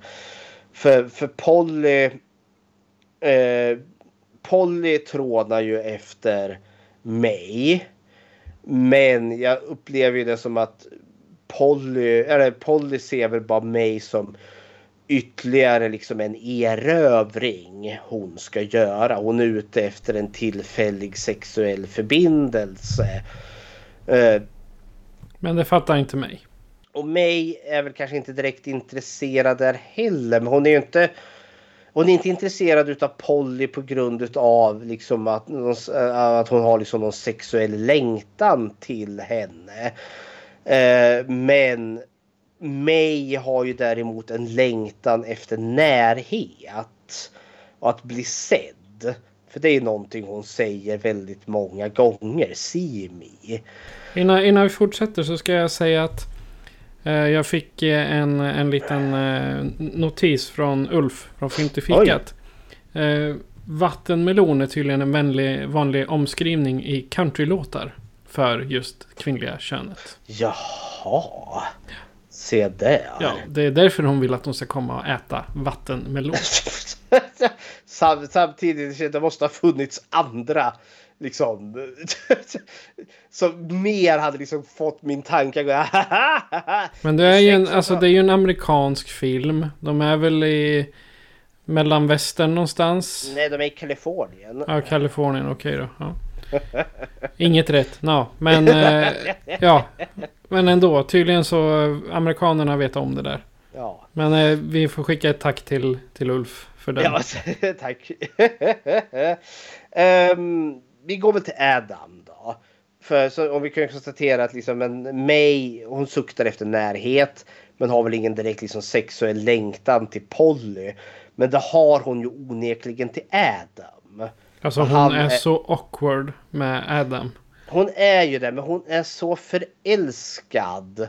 Och med han så upplever jag att det finns liksom en, en sexuell längtan. Alltså hon vill hon vill liksom bli intim med Adam. Hon vill äta uh, melon med honom. Hon vill äta melon med honom. Fast det blir inte, vad är det? De sitter hon vill äter. att han ska äta melon med henne. Ja, det, det vill hon. Men det, de kommer inte så långt. Men de sitter och äter, vad är det? Doppar nachochips i en, eh, i en burk i den här utplockade bilen. ja, och sen eh, hon gör ju uh, cheese, mac and cheese. Så är det. Sån här färdig rätt som man stoppar in i ugnen. hon, hon ser ju honom på väg när hon är på väg till jobbet som veterinärassistent eller vad hon nu är. Och då ser han arbetar ju på, ja man är mekaniker tolkar det som. Eh, och hon ser ju honom när han håller på med någon bil där. Eh, och hon fokuserar ju väldigt mycket på hans händer där precis i början. För hon tycker att han har så otroligt vackra händer. Men sen verkar hon också genuint liksom förälskad i honom. Eh, och ja, eh, de får ju lite av en connection. Eh, de sinsemellan. För Adam är ju åtminstone till en början en ganska rimlig kille. Eller han är väl en ganska, ja. Han är ju snäll.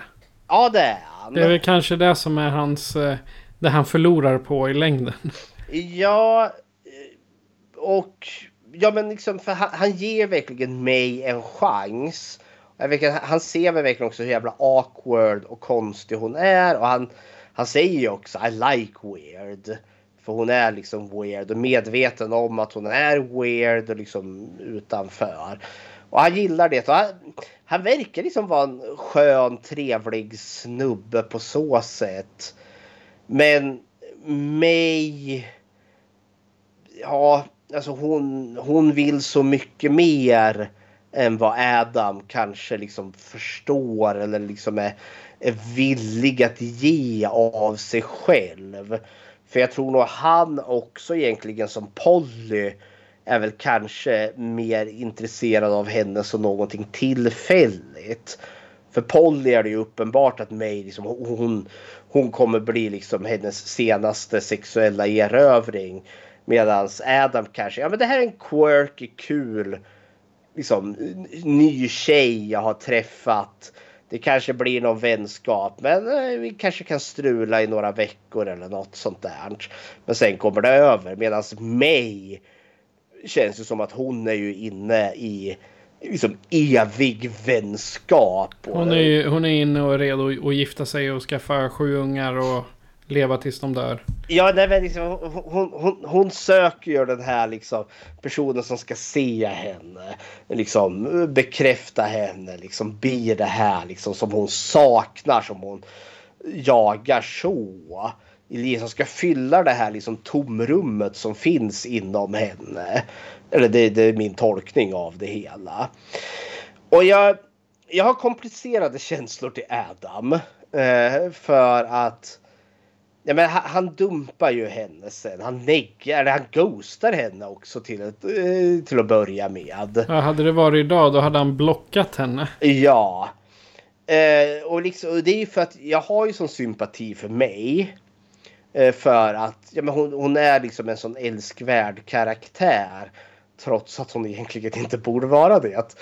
Eh, hon är älskvärd första halvan. Ja, hon är ju det. Eh, sen, sen, sen tar den sin lilla sväng där. Men kollar jag liksom till alltså det han ändå så möter och ställs inför så känns det inte så orimligt något av det han gör. Och det är också kanske, för egentligen så är väl han också, precis som de säger i trailern där, eh, var som alla andra. Ja, men, han är, en, han är en bilmekaniker, liksom en vanlig kille som liksom gillar, som lever sitt liksom ungkarsliv. Han, han gör sina amatörfilmer där. Sin amatörfilm? Ja, sin Jack and Jill-film där. den, den var så här, uh, när man tittade på. Ja, men den, den var jätte... Vi ska nämna det, för jag tror det är han regissörens vad hette han nu då? Luke, eh, eh, Lucky McGee. Det är väl hans riktiga alltså studentfilm, Jack and Jill. För det är, det är väl någon, eh, vad heter det, saga, ramsa. Jack and Jill went up a hill. Och sen blir de förälskade. Och här är det ju Jack and Jill och man ser de går upp på en kulle och har picknick och är så kära i varandra. Och så börjar de äta upp varandra. Bara ta tuggor av varandra och blodet står i fontäner. Men de är mm. fortfarande liksom jätteförälskade och glada i varandra. uh, Adam. Uh, verkar vara en skön kille men också en douchig kille. Så... Uh. Det... Jag vet inte om du tänkte på, alltså bara, bara för att, när vi pratade om eh, Lucky McKee, men du vet i hissscenerna. Mm -hmm. Ja, det är det han med mustaschen. Ja, det är en cameo där. Jag, jag, jag, jag, bara behövde nämna det. Så han står och grovhånglar med någon Bara Ja, för att det- få göra en cameo. Ja, det, det, det stackars mig ska åka hiss och så är det ett grovhånglande par. Och det är också den här filmen gör så bra med liksom porträttera hennes utanförskap. För just den scenen, hon har varit hos optikern eh, och ska få linser här då för att liksom ska korrigera det här vandrande ögat hon har. Eh, och eh, då har hon fått några droppar så hon ska ha på sig liksom dessa solglasögon och de är gigantiska. Eh, och de måste hon ha på sig. Hon står ju där i hörnet liksom liten och musig och hon har sina beiga fula kläder på sig. Och så är det det här liksom grovhånglande paret. Grovhånglande regissör. Grov, ja. Men han får ju syn på henne. Och liksom kommer, av- kommer av sig i hånglandet. Och, den, och tjejen som han hånglar med. Hon vänder ju sig om och båda två som står där verkligen och tittar på henne. Liksom en kort liten sekund. Men man ser ju verkligen liksom hur de tittar och dömer henne med blicken där. Och sen tillbaka till hånglandet. Och just den känslan, liksom att verkligen känna sig utanför. Den tror jag liksom är väldigt lätt att identifiera sig med. Ja. Liksom när man stod där var den opopulära i skolan. Liksom, bara, "Åh, här står jag och folk tittar snett på en. Alltså det, det är det som gör mig så jävla lätt att älska. För att det är så mycket i det här som man antingen känner jag igen det från mig själv. Eller så kan jag känna hennes utanförskap och bara vill liksom ge henne en varm kram. Tills ungefär hälften in i filmen då jag känner bara nej det är dags för the, the restraining order. besöksförbud, besöksförbud nu. Ungefär så ja. Det är väl i stort sett liksom de här tre som är våra karaktärer. May, Adam och Polly. Ja, sen har vi ju eh, Blank eller James Duval och Ambrosia. Mhm. Eh, de är ju med som kanonmat i stort sett. Ja, men det är också väldigt fantastisk kanonmat för James Duval här, Blank. Jag gillar Eh, hans frisyr. Ja, herre min ge! Den var magisk! Han har en, alltså en sån mohawk, alltså en sån alltså, tuppkam. Det är det mest glorious tuppkam jag någonsin har sett för den är typ lika lång som min underarm. Det är liksom en halv meter tuppkam. Det är helt otroligt! Men det är också sådär, man liksom ser den där bisarra komedin. För han är den första som dör. Eh, och det är ungefär 50 minuter in i filmen och han är ju verkligen han kommer ju liksom när det har liksom tippat över totalt för mig. Och han är verkligen liksom så här, riktig jävla fuckboy som dyker upp där liksom. Bara, "Åh, ska vi ska jag följa med dig hem? Och hon bara okej. för hon, gill, hon tycker att han har vackra armar. Åh, Men- vad varmt det är. Får jag Ja. ta mig tröjan? Ja men det är liksom, det är också sådär, okej, men han ska ju försöka slämma på lite här, liksom douche douche där. Men sen bara, åh det är så varmt, har du några iskuber som jag kan ta på mina bröstvårtor? Jag liksom bara, say what in the what now? Och han bara studsar upp där, "Ah, jag behöver iskuber till mina bröstvårtor här. Mm. Och då sitter jag och tycker att det här är ju bisarrt roligt. Men det är då han öppnar frysen och det är då liksom icingen bajsingen. Ja, vi, vi, vi ska väl nämna det också att eh, den här filmen innehar... Nej, det kan komma under hotet faktiskt tycker jag. Innehållet i frysen. Det kan vi ta under hotet. det. Nej men. eh, Och Ambrose, det är ju hon. Det är ju Pollys eh, nuvarande flickvän. Eh, Nej, Men- nya ligg var det Ja, väl? nya, ja, nya ligg då, eller den senaste ligg. Eh, och hon har väldigt vackra ben, tycker mig. Eh, och Polly har vacker nacke eller vacker hals och Adam har vackra händer. Och allt det här kommer komma in i spel senare. Eh, grejen som jag tänker här. Det kretsar ju kring de här tre. Eh, mig, Adam och Polly. Eh, och jag upplever liksom att vi snackar egentligen en miss i kommunikation väldigt mycket. För väldigt mycket det mig, alltså mig är så udda. Och jag, för, jag, jag, upplever liksom att hon försöker liksom bara tolka omvärlden. Och hon tolkar den fel hela tiden. Som med Adam när han visar sin den här filmen, Jack and Jill, kannibalfilmen där. Då, då blir det ju lite connection. Hon, hon kryper närmare honom. Man ser han tittar lite på henne för han, han vill ju ha liksom den här bekräftelsen att han har ju faktiskt gjort den här filmen. Och, och hon, hon, uppskattar den. Hon tycker det är bra där. Oh, och då blir det ju liksom. De hamnar ju i säng med varandra där då. Men då gör hon ju som hon såg i film. Hon säger ju det. Hon biter ju honom i läppen. Så pass att han börjar blöda.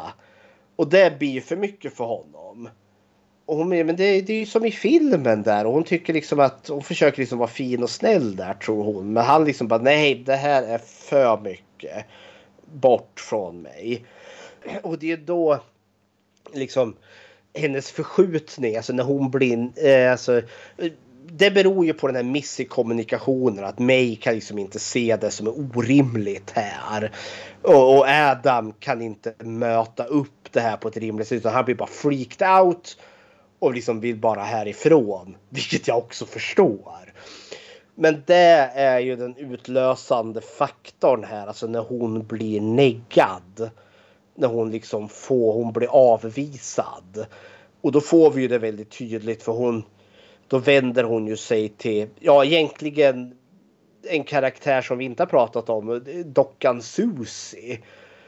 Eh, eh, för, eh, för, jag ska fortsätta slutföra min tanke här. För då vänder hon sig till Susie. Eh, och liksom är arg och upprörd på henne. Liksom. Och jag gjorde ju det här varför hon pratar med dockan. Och så slår hon sin hand på, ovanpå liksom ja, vad heter det, skrinet den är. Och det är då sprickan kommer i glaset. Det är då det börjar gå ut för. Det är då det börjar gå ut för liksom. Och det här sprickan bara sprider sig över glaset. Och blir ju liksom värre och värre under filmens lopp. Och liksom får ju bli symbolen över liksom hennes, ja, hennes nedstigning i galenskap rätt och slätt. Ja.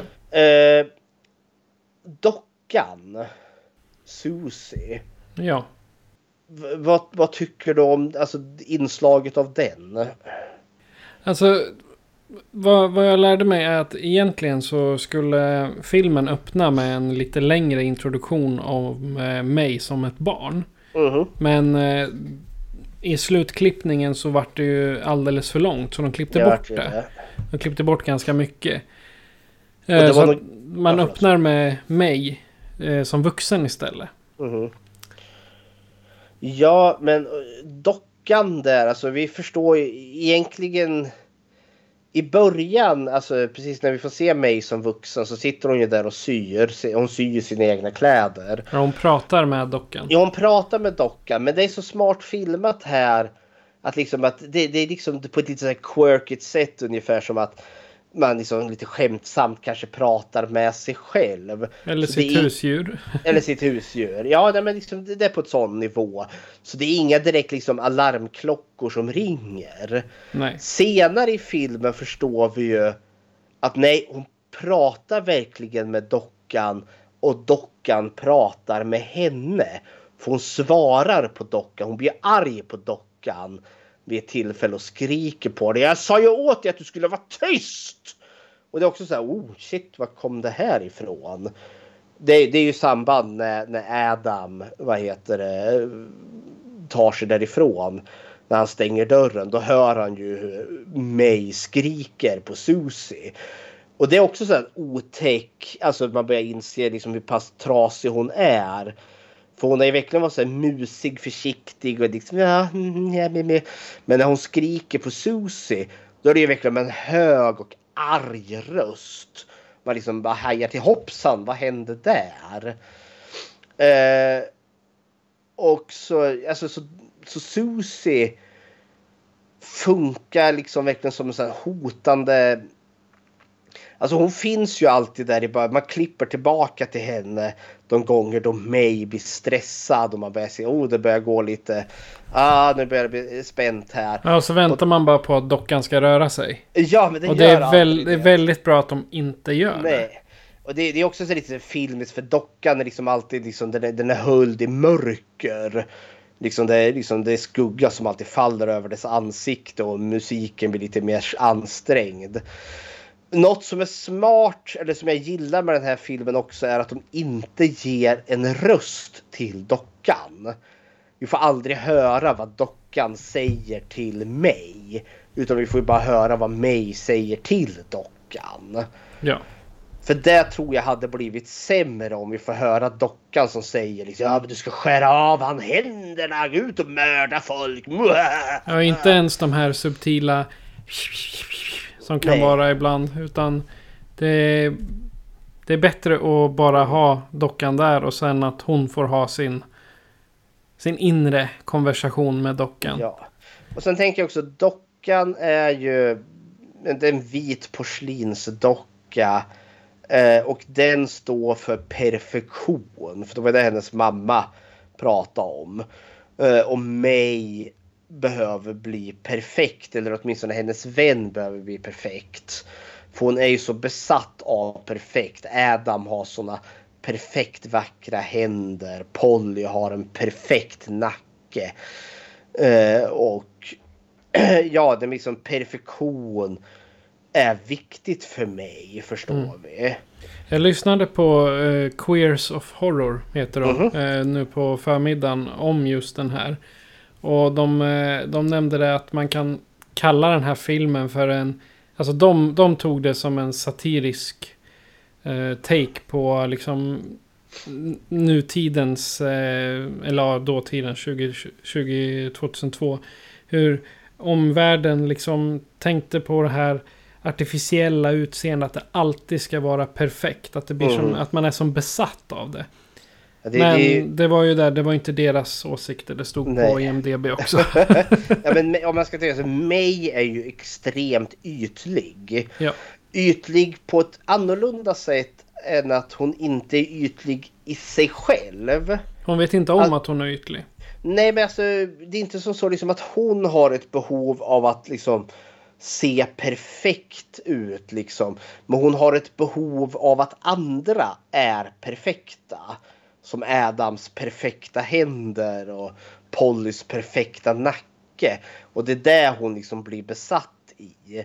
Eh, och för det finns till och med för med Polly. Det blir ju en grej att Polly har ett födelsemärke på sitt finger.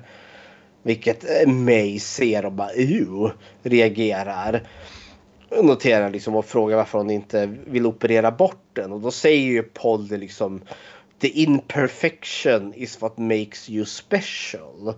Och jag, reager, alltså jag, jag fastnade just för den liksom att det, det, det är dina imper, alltså det dina brister som gör dig speciell eller gör dig värdefull eller vad man nu ska översätta det till. Och det är så teatralt i motsatt vad mig eh, har lärt sig eller vad hennes filosofi är.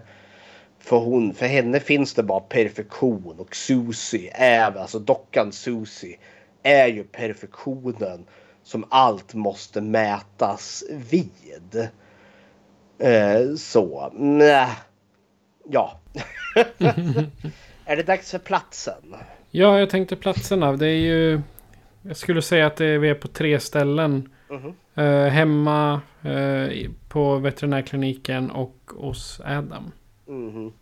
Jag skulle väl, ja, ja men det, det är vi ju. Jag tror det är de ställena det händer mest på. Om man bortser från de här tre minuterna när hon tar eh, Susie till det här blinda barnen. Ja, vilket dock är en grotesk jävla scen. Ja, det är då det går åt helvete. Men alltså vi är ju i en urban vi är i en stad. Vi är i, antagligen i Kalifornien. Eh, och vi är nära Halloween förstår vi också. För det blir en platt point här sen. Ja, men jag gillar den här urbana settingen. Eh, och jag gillar också att vi, alltså det känns väldigt diskbänksrealism i den här filmen. Vi är liksom inte på någon sån extravaganta, eh, udda ställe. Utan det, det känns som att vi är verkligen i, en verklig plats där verkliga människor finns. Eh, det ger liksom den här filmen en känsla av autenticitet och verklighet. Även om vi har en del personer som inte riktigt känns hemma i verkligheten. Exempelvis Polly. Våran märkliga lesbiska kvinna där. ja, kära värld. Ja, eh, platserna, alltså jag tycker inte vi har så mycket att säga om dem. De befinner sig bara i byggnaderna och de gör liksom ingenting som eh, bygg... Ja, vi, vi, kan ju ta Adams, eh, eller Adams, Adams eh, hus exempelvis. Mm -hmm. Där är det ju massor av eh, filmreplikor och eh, det är grejer ifrån en film som heter Opera. Ja men Dario Argentos Ja opera. precis. Mycket ja, därifrån. Han är ju lite av en skräckfilms-bro också. Det känns lite som att han... Han är som oss. Ja, det var, ja, förvisso. Men han känns också lite som att han, när han ska ta dit mig där så ska han också liksom skrämma upp henne lite med alla sina skräckfilms parafamilja där liksom. Wow! Det här är liksom motorsågen från Motorsågsmassakern. Wow! Det, det, är lite tonåring över det känner jag. Ja men alltså hur gamla ska de vara här? Ja, jag vet ju hon här... är ju alltså tillbaka till Amy så eller mig, hon är ju faktiskt eh, veterinärassistent. Alltså mm. sju, läggad sjuksköterska för djur. Ja, men det här är väl liksom vuxna unga människor. Liksom, eh, jag hade liksom tänkt att alltså, de är mellan 25 och 30 eller något sånt där. Ja, det måste det vara. Vi snackar inga tonåringar här direkt utan det är vuxna unga människor som befinner sig liksom mitt i livet. Och det är väl också liksom en frisk fläkt liksom i alla andra liksom tonårsskräckfilmer som vi har. Ja, men det är också den delen liksom, vi har att göra med lägenheter där folk liksom bor i. Vi är på arbetsplatser. Och det är väl också en igenkänningsfaktor då för mig. Och så, men ja, som, som jag sa innan, jag upplever att det här är en väldigt eh, grundad i verklighet. Men det är också att det är också mycket spelat på plats. Det är en ganska lågbudgetfilm det här. Så de är ju liksom inte i någon studio och filmar in det här. Vilket jag uppskattar för det är verkligen när de är i parken då är de verkligen i en park där med naturligt ljus och hela konkarongen. Och det, det tycker, sånt uppskattar jag. Tralalala. Ja. Eh, en så rolig sak med den här filmen är faktiskt att Robert Ebert gav den ganska högt betyg. Oh, så där ja. Han brukar ju inte vara så... Nej, han tyckte inte om. Uh, det finns en... The movie subtly darkens its tones until when the horrifying ending arrives. We can see how we got there. There is a final shot that would get laughs in other films. In other kind of film. But May earns the right to it. Mm. And it works. And we understand ja, men, it. Ja, ja men eh, han brukar inte vara positivt inställd till skräckfilmer överlag. Men här är han positiv och det, det hedrar honom. För det här är en bra film. Ja, det är den mest populära, det mest populära citatet. Ja, när det ja. kommer till att ge reklam för den här filmen. Ja, ja det kan jag tänka Roger Ebert tyckte om mig. mig. ja. Ska vi gå över till hotet? Ja, det är det som är roligt idag. Ja, alltså hotet är ju mig. Ja. Eller åtminstone hennes liksom stegrande galenskap här. Nej, man, det. Man, det, det där jag tycker är så, så... Filmen gör det så bra att man visar hur sakta den här sprickan kryper upp mm -hmm. och är på väg att spräcka hela lådan. Mm -hmm. Man hör de där kra krasen sakta, sakta, sakta mm -hmm. och man ser på henne hur det bara sakta men säkert går nerför. Hela hon bara kryper mhm. ihop så här. Jag sitter mhm. och klämmer ihop fingrarna här. Men det är typ, typ så det känns. Ja men alltså hon... Det är det som är tjusningen nu när jag såg om den här filmen. Nu när man liksom vet vad som komma skall. Och det är liksom... Som jag var inne på här liksom. Hur pass farlig var hon redan från start? Och jag tänker nog säga att hon redan när vi får se henne som vuxen första gången där när hon sitter och syr sin, sina kläder. Vi har redan att göra med en farlig människa. Eh, och det som vi får se här i filmen är egentligen alltså den utlösande faktorn. Hon var hela tiden en tickande bomb. När glasburen krossas. Ja, när glasburen krossas och liksom då släpper allting. För jag tänker det. Vi, vi har ju liksom hintar hela vägen. Liksom, hon, hon ser ju som sagt, hon tycker Adams händer är så vackra och fina. Men jag förstår också att hon älskar hela Adam. Men... Åh, så mycket fina delar. Och ja. parts och vad hon nu säger. Det sa hon i trailern också. Ja. Nej, men liksom, det finns det som liksom också man gav henne liksom för att hon bara var quirky och lite konstig där då exempelvis som att hon hon, hon, på veterinärskliniken kan hon liksom, hon syr ju djurkadaver och sådana saker. Ja, men det är lite så quirky. Hon kanske stoppar upp djur, vad vet jag. jag säger, in... alltså, en, en, sak som är lite kul bara. Vad fasen hade han gjort så att hunden hade blivit av med ett ben? det får vi aldrig reda på. Men Snacka hans, om running gag. ja men hans hund har tappat ett ben. Jag kan inte hitta den jag åkte. Han har fyra ben. Ja, ja, ja. Så kommer han tillbaka med benet som han har hittat. Kan du sy på det? Ja, det kan jag, säger hon då. det är där som är grejen. Alltså, äh, när det gäller mig äh, så tänker jag så faktiskt alltså hon är en seriemördare in the making. Ja, gott och väl. Äh, ja, men dels också för vi har verkligen alltså som en seriemördare brukar man ju liksom säga de, den klassiska utvecklingen där är ju liksom du är grym mot djur. Och sen eskalerar det mot människor.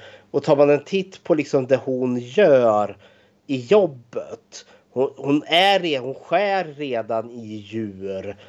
Nej men eh, eh, liksom, hon har redan liksom övat sig i att skära i djur. Hon, hon stoppar upp djur, hon liksom håller på med kadaver. Eh, hon berättar ju den här gräsliga historien om den här hunden som de har opererat på. Där liksom stygnen gick upp och hundens inälvor bara spill, spall ut. Och hon berättar det på ett sätt som man liksom förstår att ja, men, hon ser inte vad som är olämpligt eh, i den här berättelsen. Eller kan inte liksom ge känslor där liksom en annan kanske skulle liksom reagera på. Eh, och hennes första offer är ju katten som hon dödar där i ett vredesutbrott. Eh, och sen går det ju över till människor. Eh, och när hon väl liksom börjar eh, mördandet utav människor eh, så då kliver hon ju över och blir, alltså då ser hon ju inte människorna längre. Adam är bara hans händer. Polly är bara nacken naken. Ambrosia är bara benen. Det finns ingen mänsklighet kvar hos de här människorna. Det finns bara ett begär från Mays sida. Hon vill ha de där benen. Eh, och hon kommer skära dem av dig för att hon vill ha dem. Eh, och det är det jag tänker också.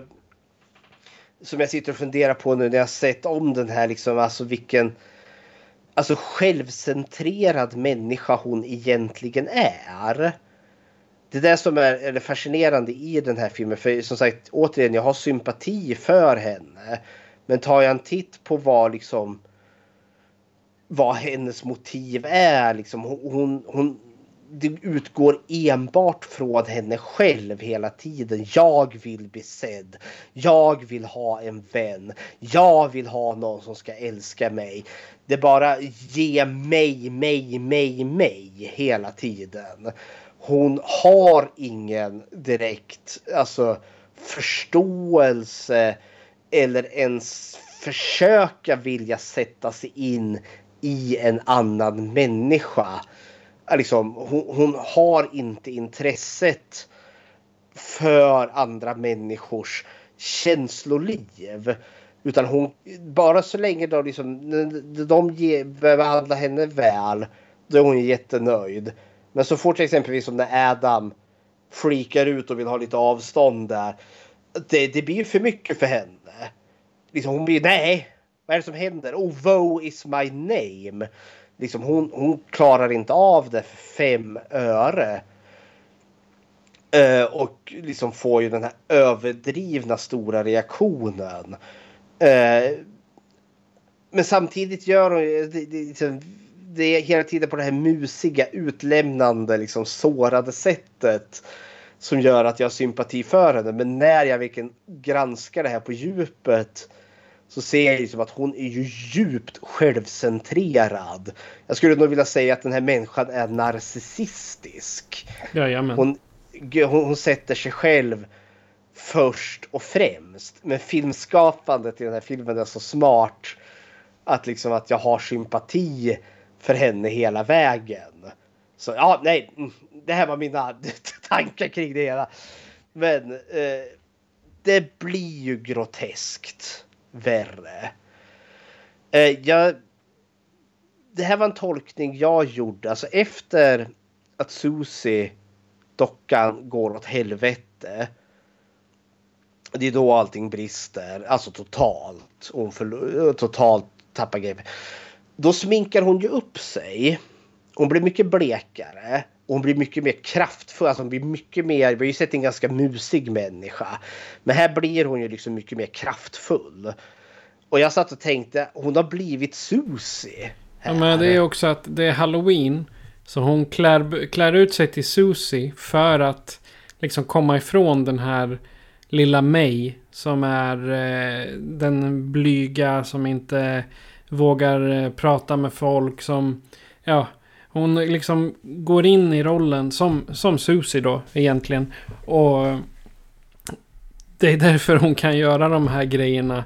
Liksom och gå runt och släpa tre kroppar i en uh, kylväska typ. Mm, eller kroppsdelar ja. det. kroppsdelar. Men det är också... För vi måste ju verkligen tala om våldet i den här filmen. För det är ju verkligen...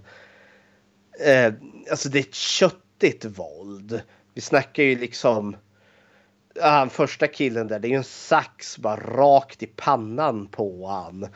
Och hon skär halsen utav Polly med, med skalpellen där. Ambrosia slår hon ju skalpellen rakt. Skalpeller. Hon får, en, hon får en sån här, eh, vad heter det, öron av skalpellöron. Ja. ja, men hon slår in två skalpeller, en på vardera sida utav tinningen. Ja. Uh, Adams nya tjej snittar hon hon bara sticker den i halsen på henne och bara blodet pissar ut. Ja. Och det är också så här liksom, för hon är inte intresserad av den tjejen men hon bara råkar vara i vägen. Och Adam eh, knivhugger hon ju till döds med skalpellen och sen sågar hon arm, eller händerna av honom med den där kirurgsågen. Och det leder ju då till den sista scenen. Eh, till vad hon ska ha kroppsdelarna till.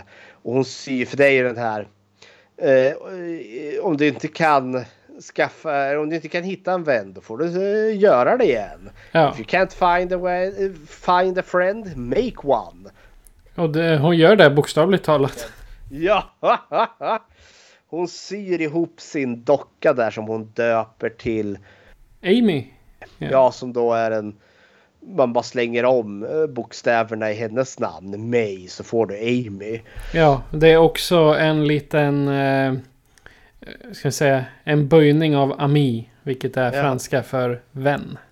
Jaha! Oh. Jag, vet, jag vet inte om det där, om det, om det stämmer att det är tänkt så, men mm. det hade varit kul om det verkligen ja. var så. Jag tänker ju att eh, jag gillar verkligen det här slutet, för det nu får hon äntligen den här vännen som hon har så suktat efter. Men det blir inte bra i alla fall. Nej. Eh, för hon, hon ser, hon kan ju inte se, Amy har ju inga ögon. Så hon står ju se mig, se mig, se mig, se mig. Alltså hon eh, hugger, gröper ut ett öga åt Ja, Amy. och om man nu ska, hon, hon skär ut sitt eget öga med, eh, med sin sax. Och en poäng här. Hon skär ut eh, sitt, det bra ögat, inte det här vandrande ögat eftersom att perfektion är det som gäller. Eh, och lägger sig ner bredvid den här köttdockan.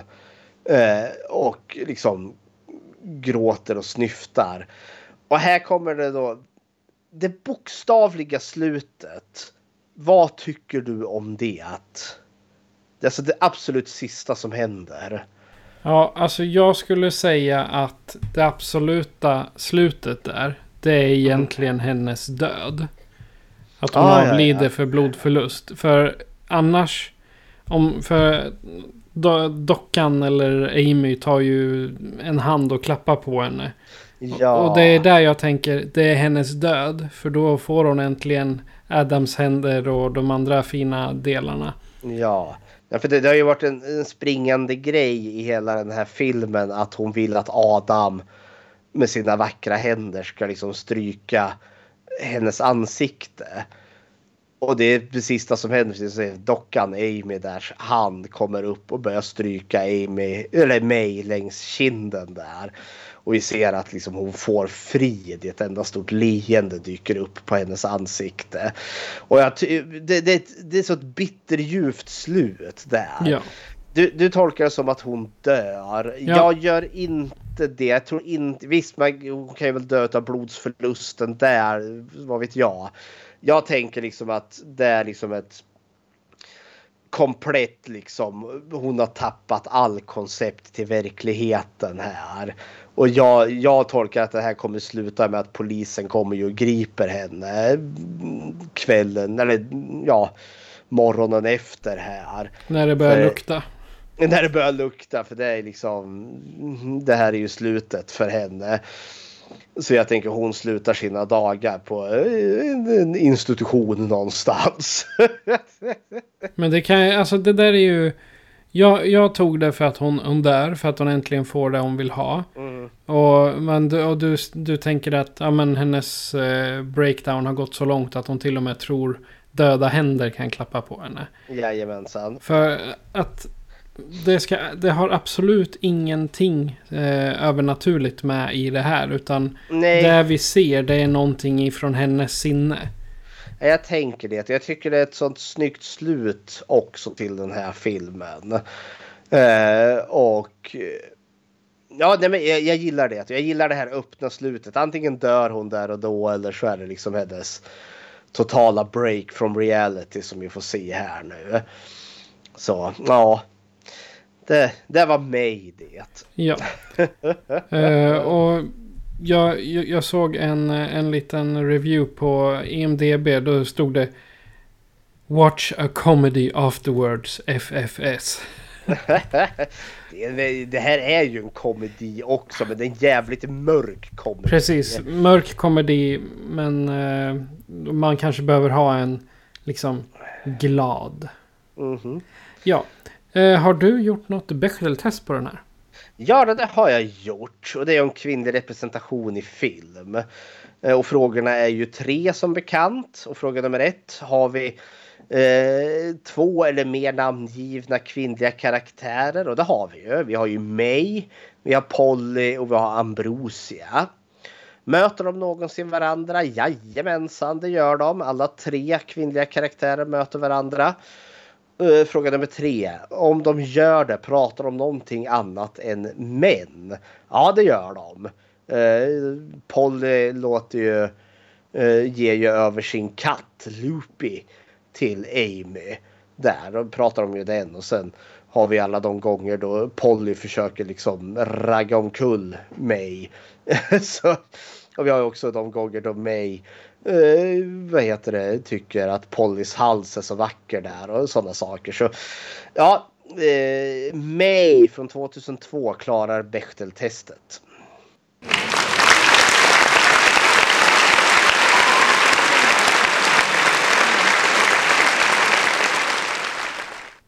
Men om du som lyssnare då tycker att mig är en romantisk komedi. Eller tycker att den är så läskig att den aldrig borde ha gjorts. eh, Då kan du kontakta oss och säga vad du tycker. Skräckfilmscirkeln presenteras av Patrik Norén och Fredrik Rosengren. Produktion FPN Productions. Besök skräckfilmscirkeln.com för att hitta var du kan lyssna på oss, hur du kan stödja oss och hur du kan kontakta oss. Vill du diskutera filmerna i avsnitten är du välkommen att gå med i gruppen Skräckfilmscirkeln Eftersnack på Facebook. Tack för att du lyssnar!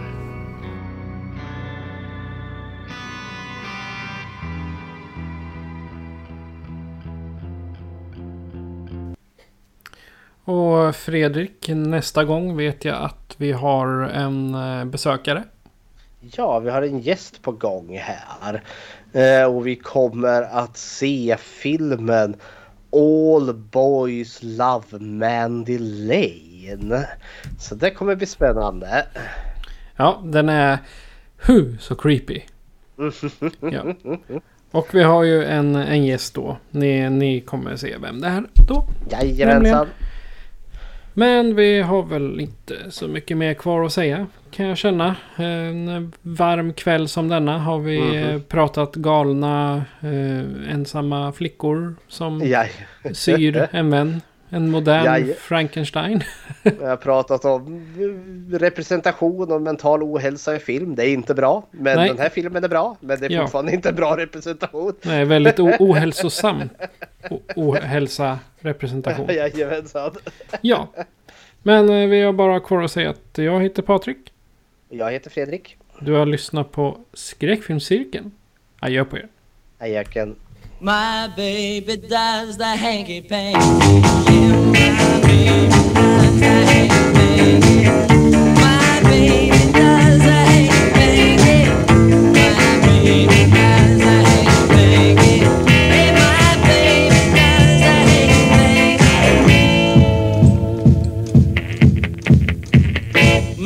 baby does the hanky panky. Yeah, my baby does the hanky panky. Hey, my baby does the hanky panky.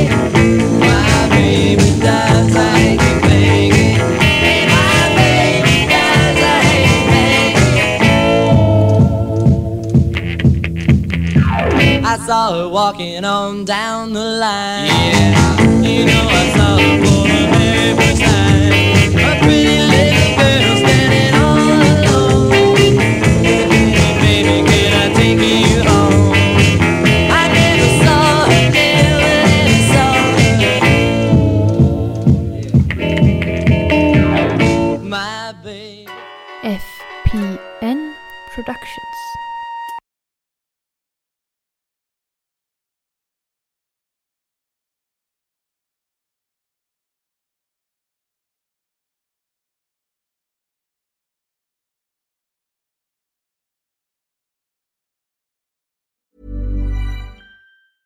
Planning for your next trip? Elevate your travel style with Quince. Quince has all the jet setting essentials you'll want for your next getaway, like European linen, premium luggage options, buttery soft Italian leather bags, and so much more. And is all priced at 50 to 80% less than similar brands. Plus, Quince only works with factories that use safe and ethical manufacturing practices. Pack your bags with high-quality essentials you'll be wearing for vacations to come with Quince. Go to quince.com slash pack for free shipping and 365-day returns.